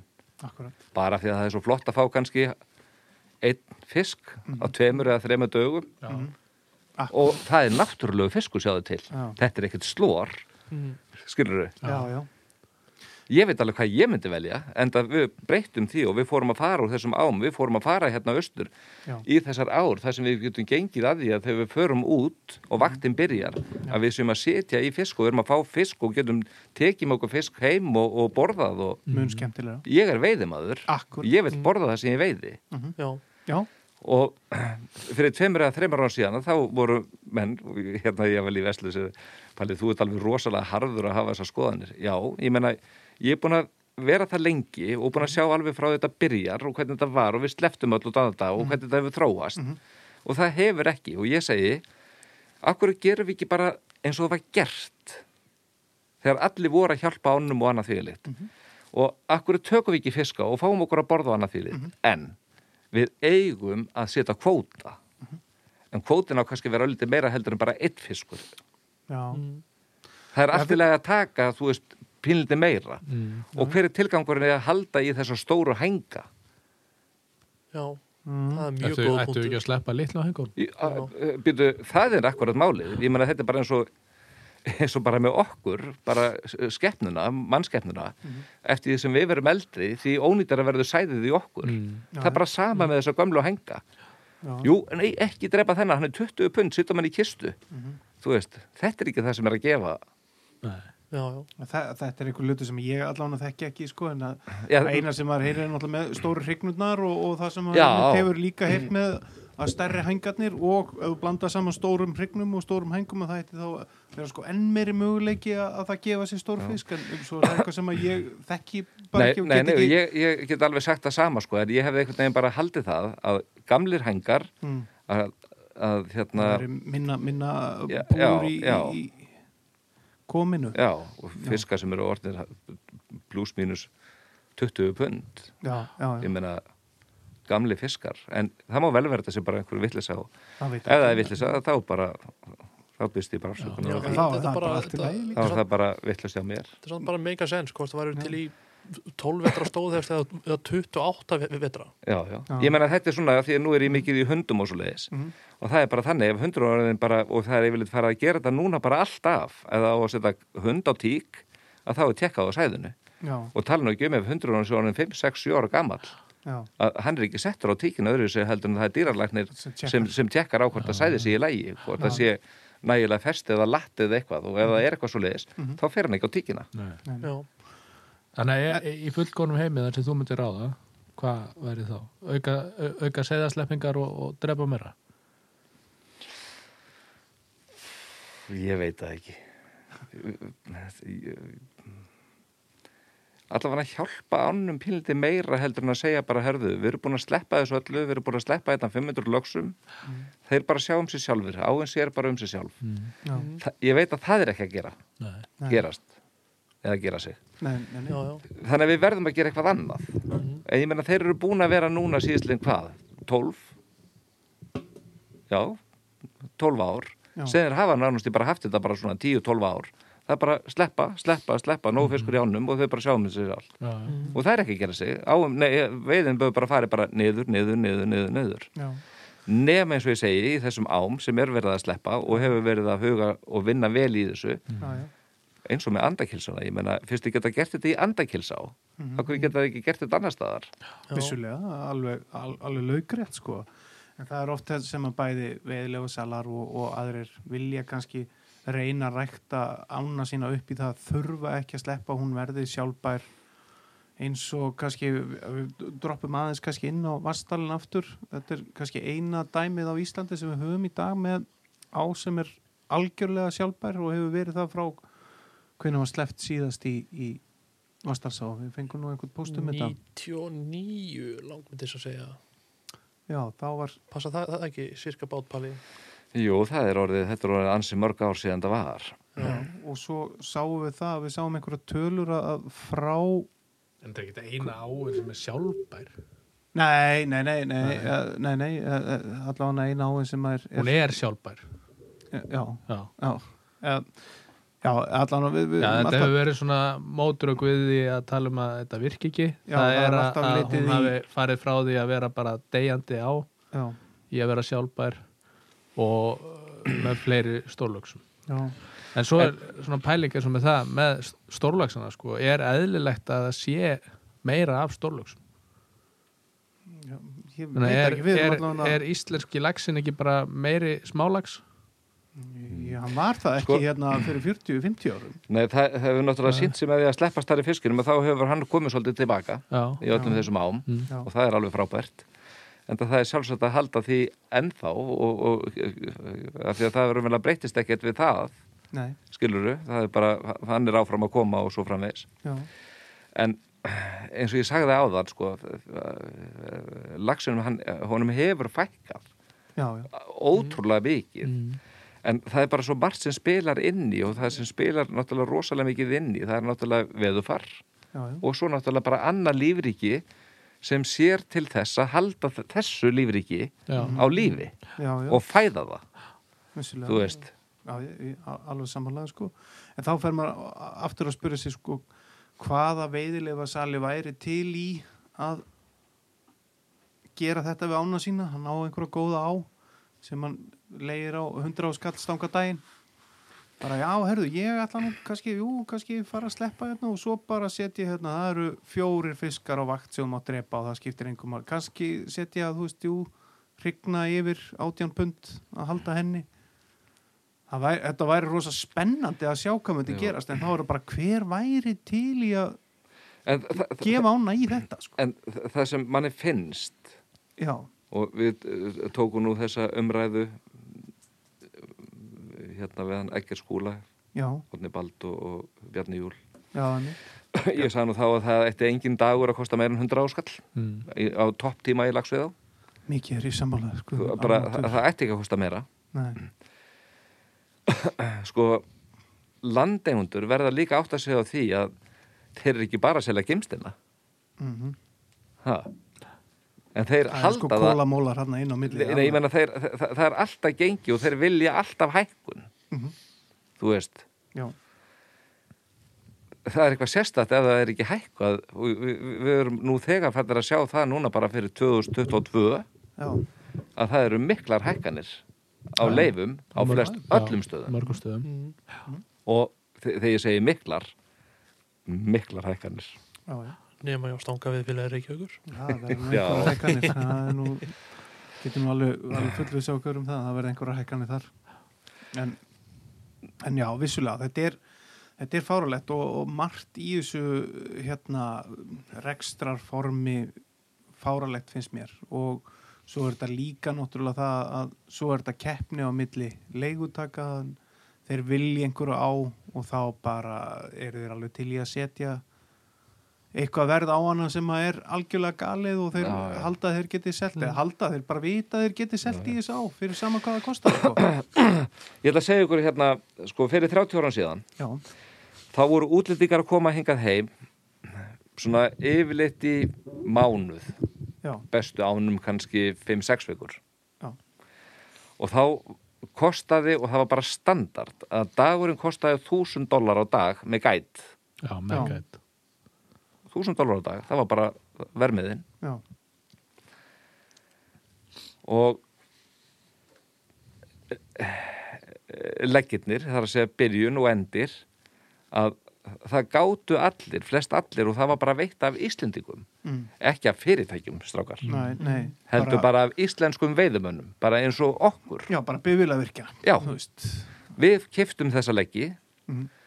Uh, og við fórum og veitum og höfum gaman aðeins og annað þvílið svo kom útlendingategjambilið Mhm. og svo var það pínlindi hátt eða þeir voru að hætta og svo lækkaði þetta bara nýri venilegt verð. Já, við kiftum einu sinni þegar veiðifélag hérna eh, sem sagt miðfyrðinga og Böðvar og Barði var þá formaður veiðifélagsins. Já, við vorum þrýr sem keftum allar stangirnar í miðfyrunum lokahollið og veitum það á þrjá stangir. Já, wow var svo er Kláttón við keftum allar ána í þrjá daga og veitum það á þrjá stangir. Hva- hva- Sigurður Gunnarsson, ég og Einar Þótt Guðmundsson. Já, hvað, hvað sagði fyrir 30 árum? Nei, fyrir, nei, nei, ja, nei, þetta var þegar þetta hefur svo sett verið bara síðasta eða næst síðasta árið áður en það kemur lögutæki áni já, við letum elda fyrir okkur kjötsúpu. Mhm og þegar við komum inn á eftir fyrstu vaktina þá borðum við kjötsúpu. Kjötsúpa í hátteginu nei, Ó, svo, svo, svo bara um morgunin og þá bara sömdum við líka um það að, að við myndum bara sofa lengi út og svona og svo borðum við bara nánast í og það var bara 11 og þá fórum við út og veitum bara fram á kvöld þá fengum við aftur kjötsúpu. Já, og, og við tókum bara með okkur nesti þú veist bara Samloku og, og- samloku og svona. Ég hvað allir tíu stangir kosta í þrjá daga Já, fyrir þrjá menn að veiða. Ég menna það var engin okkar fórstjóri nei, nei. Það Við var vorum- engin á ofurlaunum. Nei, við vorum bara launamenn og að lágun launum. Af því að það var engin með þetta svona þessa miljóna mánuði eins og er, er nei. þetta svona orðið svona þá ertu svona aðeins yfir meðalagi í dag sko? Ég bara þannig að þið sjáu hvað þetta hefur rosalega breyst. En eins og ég sagði á þessum tíma þá var aðaltímabilið útlýtingantímabilið 1000 dólar á dag og þetta var svona heilt yfir já, það sem hefur gerst núna að ef við tökum bara á sem opnar bara ef að segja bara 10. júni já, og hafi veitt til 10. september hvað haldið að stöngin kosti bara síðustu tíu dagana í september er það 1000 dólarar á dag nei, það er nú eitthvað aðeins meira já, það er 130 skall. Já, já, já, já, já, jú, geti gert það sko. Býtu, við sjáum það að rángátnar á þessum tíma Mhm. að þær eru að kosta eitthvað 120.000 eistri, já, já, já, Í lók tímavils já, já eins og var í í í já. fyrra já, já, já, september og síðan Og svo- Svo bara- Svo, svo var bara sérsta tilbúsverð það sem hún fór á eitthvað 96 eða 98 Já, já, og það var bara tilbúsverð já, já, þá segjum við það að þeir eru að selja fyrir 1000 dólar á dag nárast í allt tímabilið. Já, Mhm. já, og þetta er náttúrulega sko eins og ég segi en af hverju ættu þeir ekki að gera það heldur? Já, það já, þetta selst. og það eru fyrirtæki sem kaupa þetta og það eru bara þeir sem hafa meira á milli handana sem kaupa þetta líka. Mm -hmm. við getum ekki heldur glemt því að margir góðir dílar og, og, og góðir samningar hafi verið gerðir sem eru ótrúlega flottir við árbakkan má betur. ekki, og sem er bara okkur í vil. Já, já, já. þannig að það má ekki heldur glemma því. En það, það var alveg hægt að gera nákvæmlega sömu díla fyrir meir en helmingi minna verð já, Í í, veiðinni, í sko. en eins og ég segi, sko, þetta selst allt og, og hérna, en málið er það að, að þetta kostar bara margfalt, margfalt meira í dag heldur að gerði nokkuð tíman áður já. Um, ég verður að spyrja úti fyrst að þú ert nú leigu, leigutæki sjálfur að gíslastöðum í Hvítá hvernig er verðlægi hjá þér? Ég myndi segja að það væri bara mjög gott. Já, Fyrir þig eða fyrir okkur? Nei, ég Ég myndi segja að ég myndi segja að það væri bara fyrir alla. Það væri, ég meina við seljum stöngin á dag á, með húsi á 33.000. Já, allt uh, tím, tímabilið Já, það er bara sam, sama verð allt í anbíl. Já, ok. Og þetta eru hvað, þrjár stangir Þrjá stangir. Mhm. og já, Ég held að þessi er bara mjög sangjant verð að, að fá fínt hús og, og mega veiða á allt og, og heyra það sem þið hérna fáið og Já, borga já. fyrir það 33.000. Hva, hvað er að veiðast? engin furða að veiðast ekki hjá mér Hva, hva, hvað er að koma margir laxarinn og, og, það er að koma eitthvað annað endur á fiskar en það er þarna það sama eins og á mörgum öðrum stöðum það er ekki verið að bóka allt Nei, nei. Nei, Mm. nei, en það myndi að hækka Já, það, það er bara það sem reynslan hefur sínt okkur Já, já, Ég veit að fyrir víspalli, eru þau ekki í, í, í þetta veiðafélag sem er með þessa á, eru þau ekki basically að selja bara upp í kostnað og svo eru þau að veiða sjálfur? Jú, svo er náttúrulega líka framkvæmdur ég meina við Já, fórum já, þú- ég er að segja það, Já, við hérna gerðum ímislegt við keftum all húsgögnin og nýtt parkett og allt og Já, já. allt nýtt í eldús og núna stendur til hérna að skipta út og stakka pallinn og skipta út Mm. all á klósetti og allt svona Já, þannig að þetta kostar allt peninga já, já. og það eru náttúrulega veiðimennindi sem borga það er náttúrulega koma til með að hafa það betra eða Já. betur Já, já, já, þannig að þetta kostar en ég held að þetta sé mjög sangjant já. bara gríðan ég, það, ég, sko. ég, ef ég fer upp í veiðivött núna og, og kaupi hús það er og, dýrara. og, og það þarf að borga elsniti fram og tilbaka ég held að ég sé sko lítið undir þessu verði Já, það er eiginlega sko ég, ef maður er að horfa á veiðilefi sko og það er hús þá er það eiginlega sko mínus að 30 skall við veiðilefið bara með húsinu Já. þú veist, ef þú fer- ef þú ferði eitthvað út á land og ferði á eitthvað hótel eða, eða tekur Airbnb eða eitthvað ef, ef þú nærði á 20 skall þá ertu mjög heppin sko Já. Mm. Þannig að það er nánast er, þetta er allt og ódýrt hjá þér Þannig að nánast ódýrar nei. að fara til þín og, og veiða heldur en að leiða sér sögambústað í þrjá daga. Já, e, e, bara leiðu þau sumabústað upp í borgarferði bara fyrir, yfir helgina. Já, ekki, ekki á stjættafélagi, það er miklu meira sko. Já, já, og tekkaðu bara hvað það kostar. Já, af því að ég sagði ykkur hérna frá sögunni með miðfyrin þegar við vorum þrýr og hérna keftum alla stangirnar. Þá var sama verð á stönginni Mm. og fæðinu í húsinu og húsinu, já, já. það mattsaði saman. Það verður gaman ef maður geti farið í lagsveið í dag sem að væri þannig. Myndi ma mattsa. já, já, já. en svo er náttúrulega líka það er náttúrulega maturinn í þessum veðhúsum þetta eru náttúrulega, Já, þetta er nú kannski orðið mitt miklu flottara. Og, já, þetta er Flott náttúrulega já, Já. rosalega sko, þetta er náttúrulega allt annað standard já, er og þá er það líka spurningu um það, þurfum við allan annað standard ég veit það að ég fer að veiða, þá vil ég bara fá mat sem gerir mig bara mettan já, já. Þetta er og við sko. strákanir gerum þegar við förum í jöklu á haustin já. Hádegismaturinn tekin á skjöldóstöðum og það er, þannig að það er bara kjötsúpa og vikingsterkur já, já, já. það er alvöru En svo, svo aftur á móti, þú veist, eins og ég heyrði einhvern tíðan í, uh, hvort það var í þessum þætti sem þau voru Bjarni og Átni og þú að að Átni var að tala um að hann vildi nú bara fá, þú veist, bara rossbíf, nei, hérna, eitthvað bara snitsel eða bjúu já, eða eitthvað. já, já, já. Vissulega er það allt í góðu, en Já, ég já. veit það líka að fyrir vana veiðmenn og eða, ekkert endilega vana, bara ef þú ert að leita eftir upplifun, þú ert að fara í einhverja fína lagsveiðu og það er matur inni, já, já. þá ertu freka til í að fá tveggja rétta rosa flottan mat heldur en að það séu bara svona hálfvolt bjúu á borðinu sko. já. En, en ekki það, það væri líka rosa gott og þegar maður er að fara strákarnir ofta þá er bara fínt að gera eitthvað bara einhvern svona lítinn mat eða þá að hafa einhvern rosa flottan mat og Já, já. það heyrir skreinlega að þú hefur aldrei verið í í veiðhúsi og fengið fengi gætamatinn Nei, nei, sem betur fyrir sko. Nei, ja, sko, ég er náttúrulega í þessum ám sem ég hef verið, þá hefur náttúrulega sko gætanir, það hefur náttúrulega verið hugsað um okkur alveg bara eins og, ég veit ekki hvað, eins og við varum konungar eða prinsar já, og sjaldnast að þá borðum við sama mat eins og kúnin, Akkurat. af því að við náttúrulega fáum fljótleið og honum, við viljum bara fá heimilismat, kannski hambúrgar og franskar og súpukjöt og eitthvað svona sko og við fáum það. Þannig að en sko bara flottur hátegismatur sem kostar ekki mikið. Það er bara súpa og, og, og bara heimabaka brauð, salat og purustek. Já, purustekin er náttúrulega bara eitt af ódýrasta sem hún færð. Og ég meina, og, dugar, e- og eitt af besta. Já, og dugar það ekki í hádeginu? Já. Heldur miklu betur, meira sko. sko. bara burt með þessa súpu og hvernig með meiri já, en tú tre. Já, já.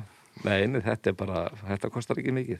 Nei, Það nei nákvæmlega sko. Þetta er alveg alveg, alveg hérna Nei, Já. nei, það, er, það eru svo hérna margi punktar í þessu eða svona þættir sem við vitum ekki og það er en það, er, það sem manni fannst vera svolítið skrítið að 2020 að það skildi nokkrar ár sko skera sig úr um það hvað veittist ofbóðslega vel já, á meðan hina voru dabrar.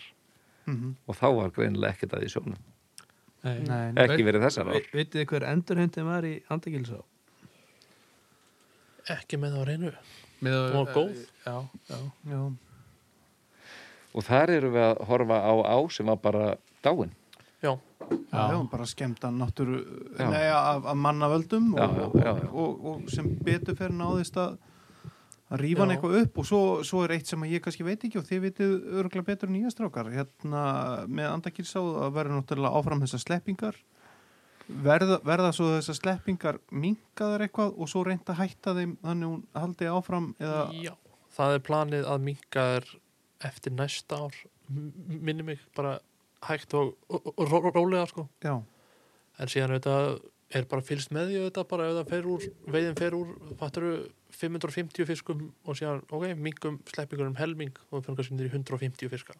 Og þá bara er þetta að horfa á auka þetta og fylgjast með hrygningunni og fleira en Já. mér skilist að á að minga sleppingum og sjá hvort hún ná ekki að verða aftur sjálfbær Mm. að hún hefur alltaf verið bara frekar góður lagsveið á Já. meðan hún var sjálfbær sko. já, já, og silung, sí- silungur líka í henni og, bleikja reyndar kvarf alveg úr, henni já, Já, ég veit ekki af hverju en svo, svo er náttúrulega eitt sem það ætti að vera í hver einustu lagsveið á sem hefur verið að selja í það á að vera lagsast í já, já, eða ekki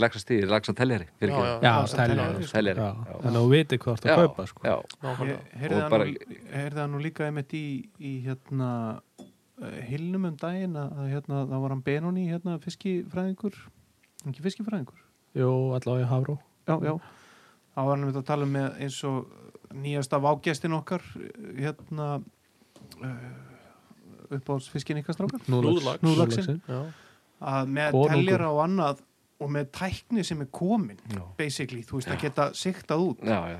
þá ættum við að geta sett einhver staðar þar sem að fiskurinn kemur kannski bara eftir fyrsta hil eða foss eða eitthvað, bara teljara sem bara, sér- sem opnast bara hlið- í aðra átt. Já, já þú veist, Já, það er já. bara, það fer bara í að, þú veist, laxinn kemur og það, það er tekið mynd á honum. Já, já, lax, það bara opnast og hann í gegn og svo bara lokast. Já, já svo kemur hnúlaxinn og þá bara bong Já, er hann já. bara slegið til liðar og fokkaði kallið minn, hann kemur ekki hingað. Þetta er bara eins og beinagarðurinn úr þorski bara í þessum hérna tóðurum já, já, já, það er bara flaki fyrir hinga og beinagarður fyrir hinga já, já, já, já, já. Þú veist, það er alveg til svona Já, tækni. auðvitað, já. auðvitað. en væntalega dýrt og annað Já, og hækka veiðileifin og Já, Nei, eða svona, ma- þú veist, ég, þetta er, hefur eitthvað spáð í þennan nýjasta vágjast okkar sem að, eins og Benoni sagði að gæti nú bara hreinlega útrýmt laxastofnun og Nei, mér finnst það náttúrulega alveg skelfilegt. Já. Mér finnst það alveg bara rosalega daburt Já, og bara ég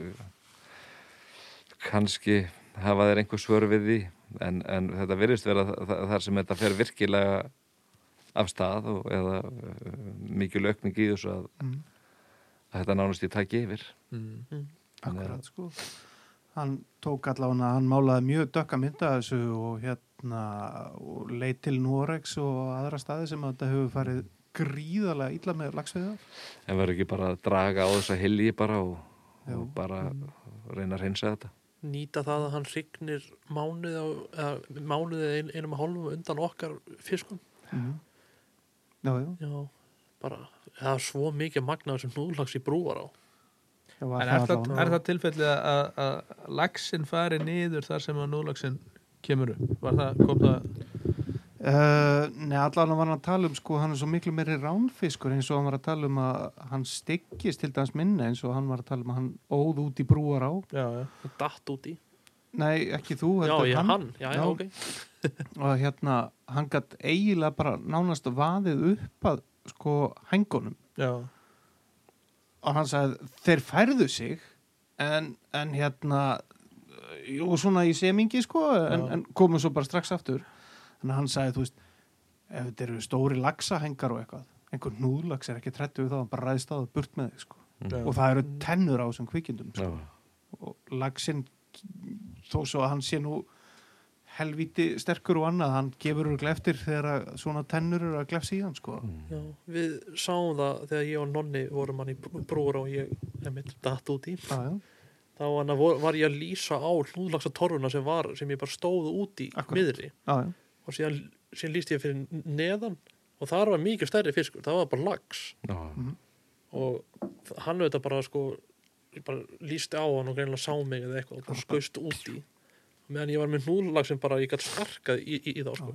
Og þeir eru eins og pingpongboltar um hílinn það er alveg, alveg bara dýrvittlusir hann talaði allan um þetta hann Benoni að, að það er eins og þeir væru bara minna hrættir við bæði bara menn og, og, Mm. og greinlega aðra fiska og hann, Mm. þannig sko.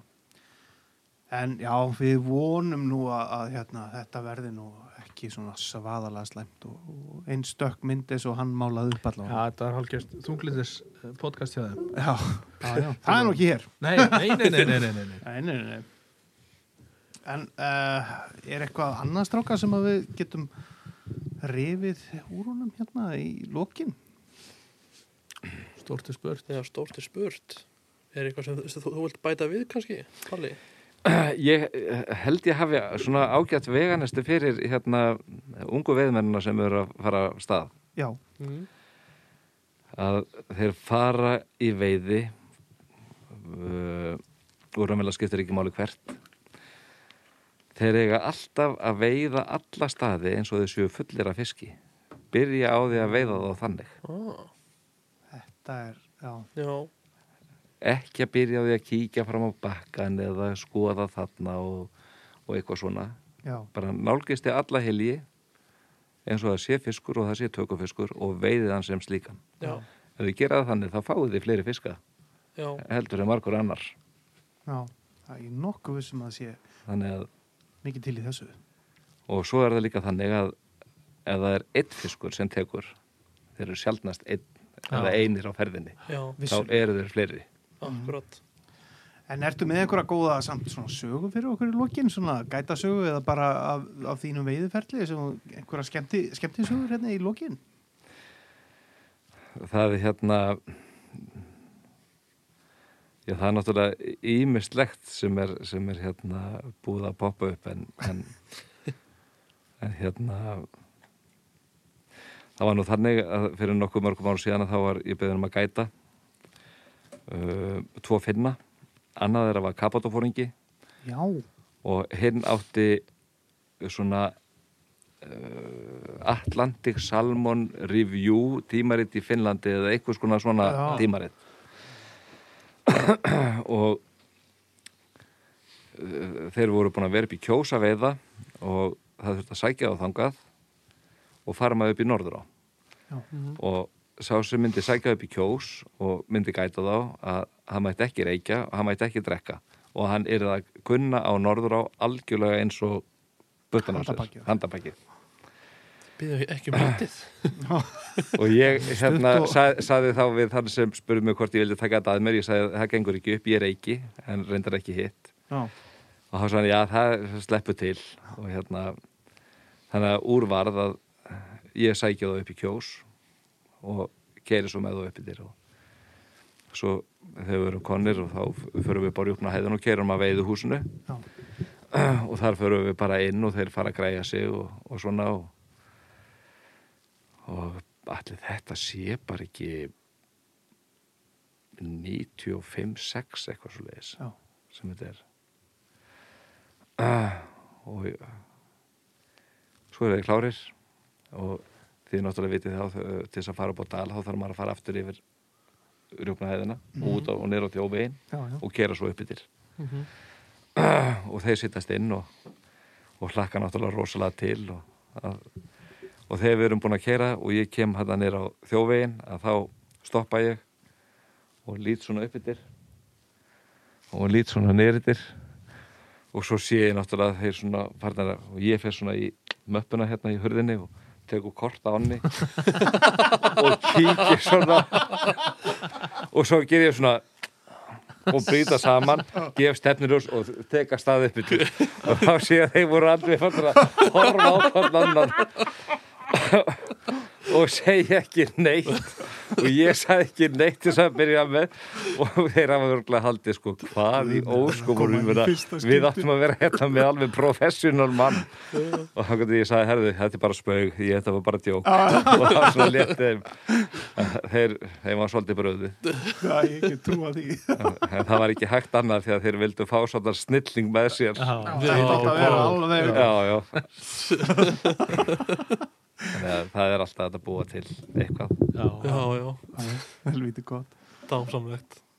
Herðu, en, en við báðum því restina eins og, eins og við byggjum alla gesti að velja hérna veiðilægið sem að tengir einhvern veginn eitthvað við, við hérna veiði eða einhver, einhverja tilfinningu eða eitthvað en þú eins og margir aðrir veiðimenn þú bara hefur ekki veiðilag. Nei. Ég hef bara aldrei hugsað út í þetta Nei. mm. það er bara ég held að það sé bara óskup lítið samspil hérna á milli Já. Mm. já, já, já, mörgum sko. bara veiði hvort sem það er stangveið eða skotveið og, og svo bara einhverju músik allavega já, það er bara náttúran Já. fuglanir og já, niðurinn í ánni já, Við ætlum bara að, að klingja út á bara fallegum náttúruhljóðum hérna í, í einhverja mínútu eða tvær eða eitthvað en, en Einar Páll Garðarsson bara takk innilega fyrir að koma til okkar í þrjóðstöng bara já, takk svo mjög þess takk fyrir. Gaman að vera hérna í okkur. okkur. Já, gaman að fá þig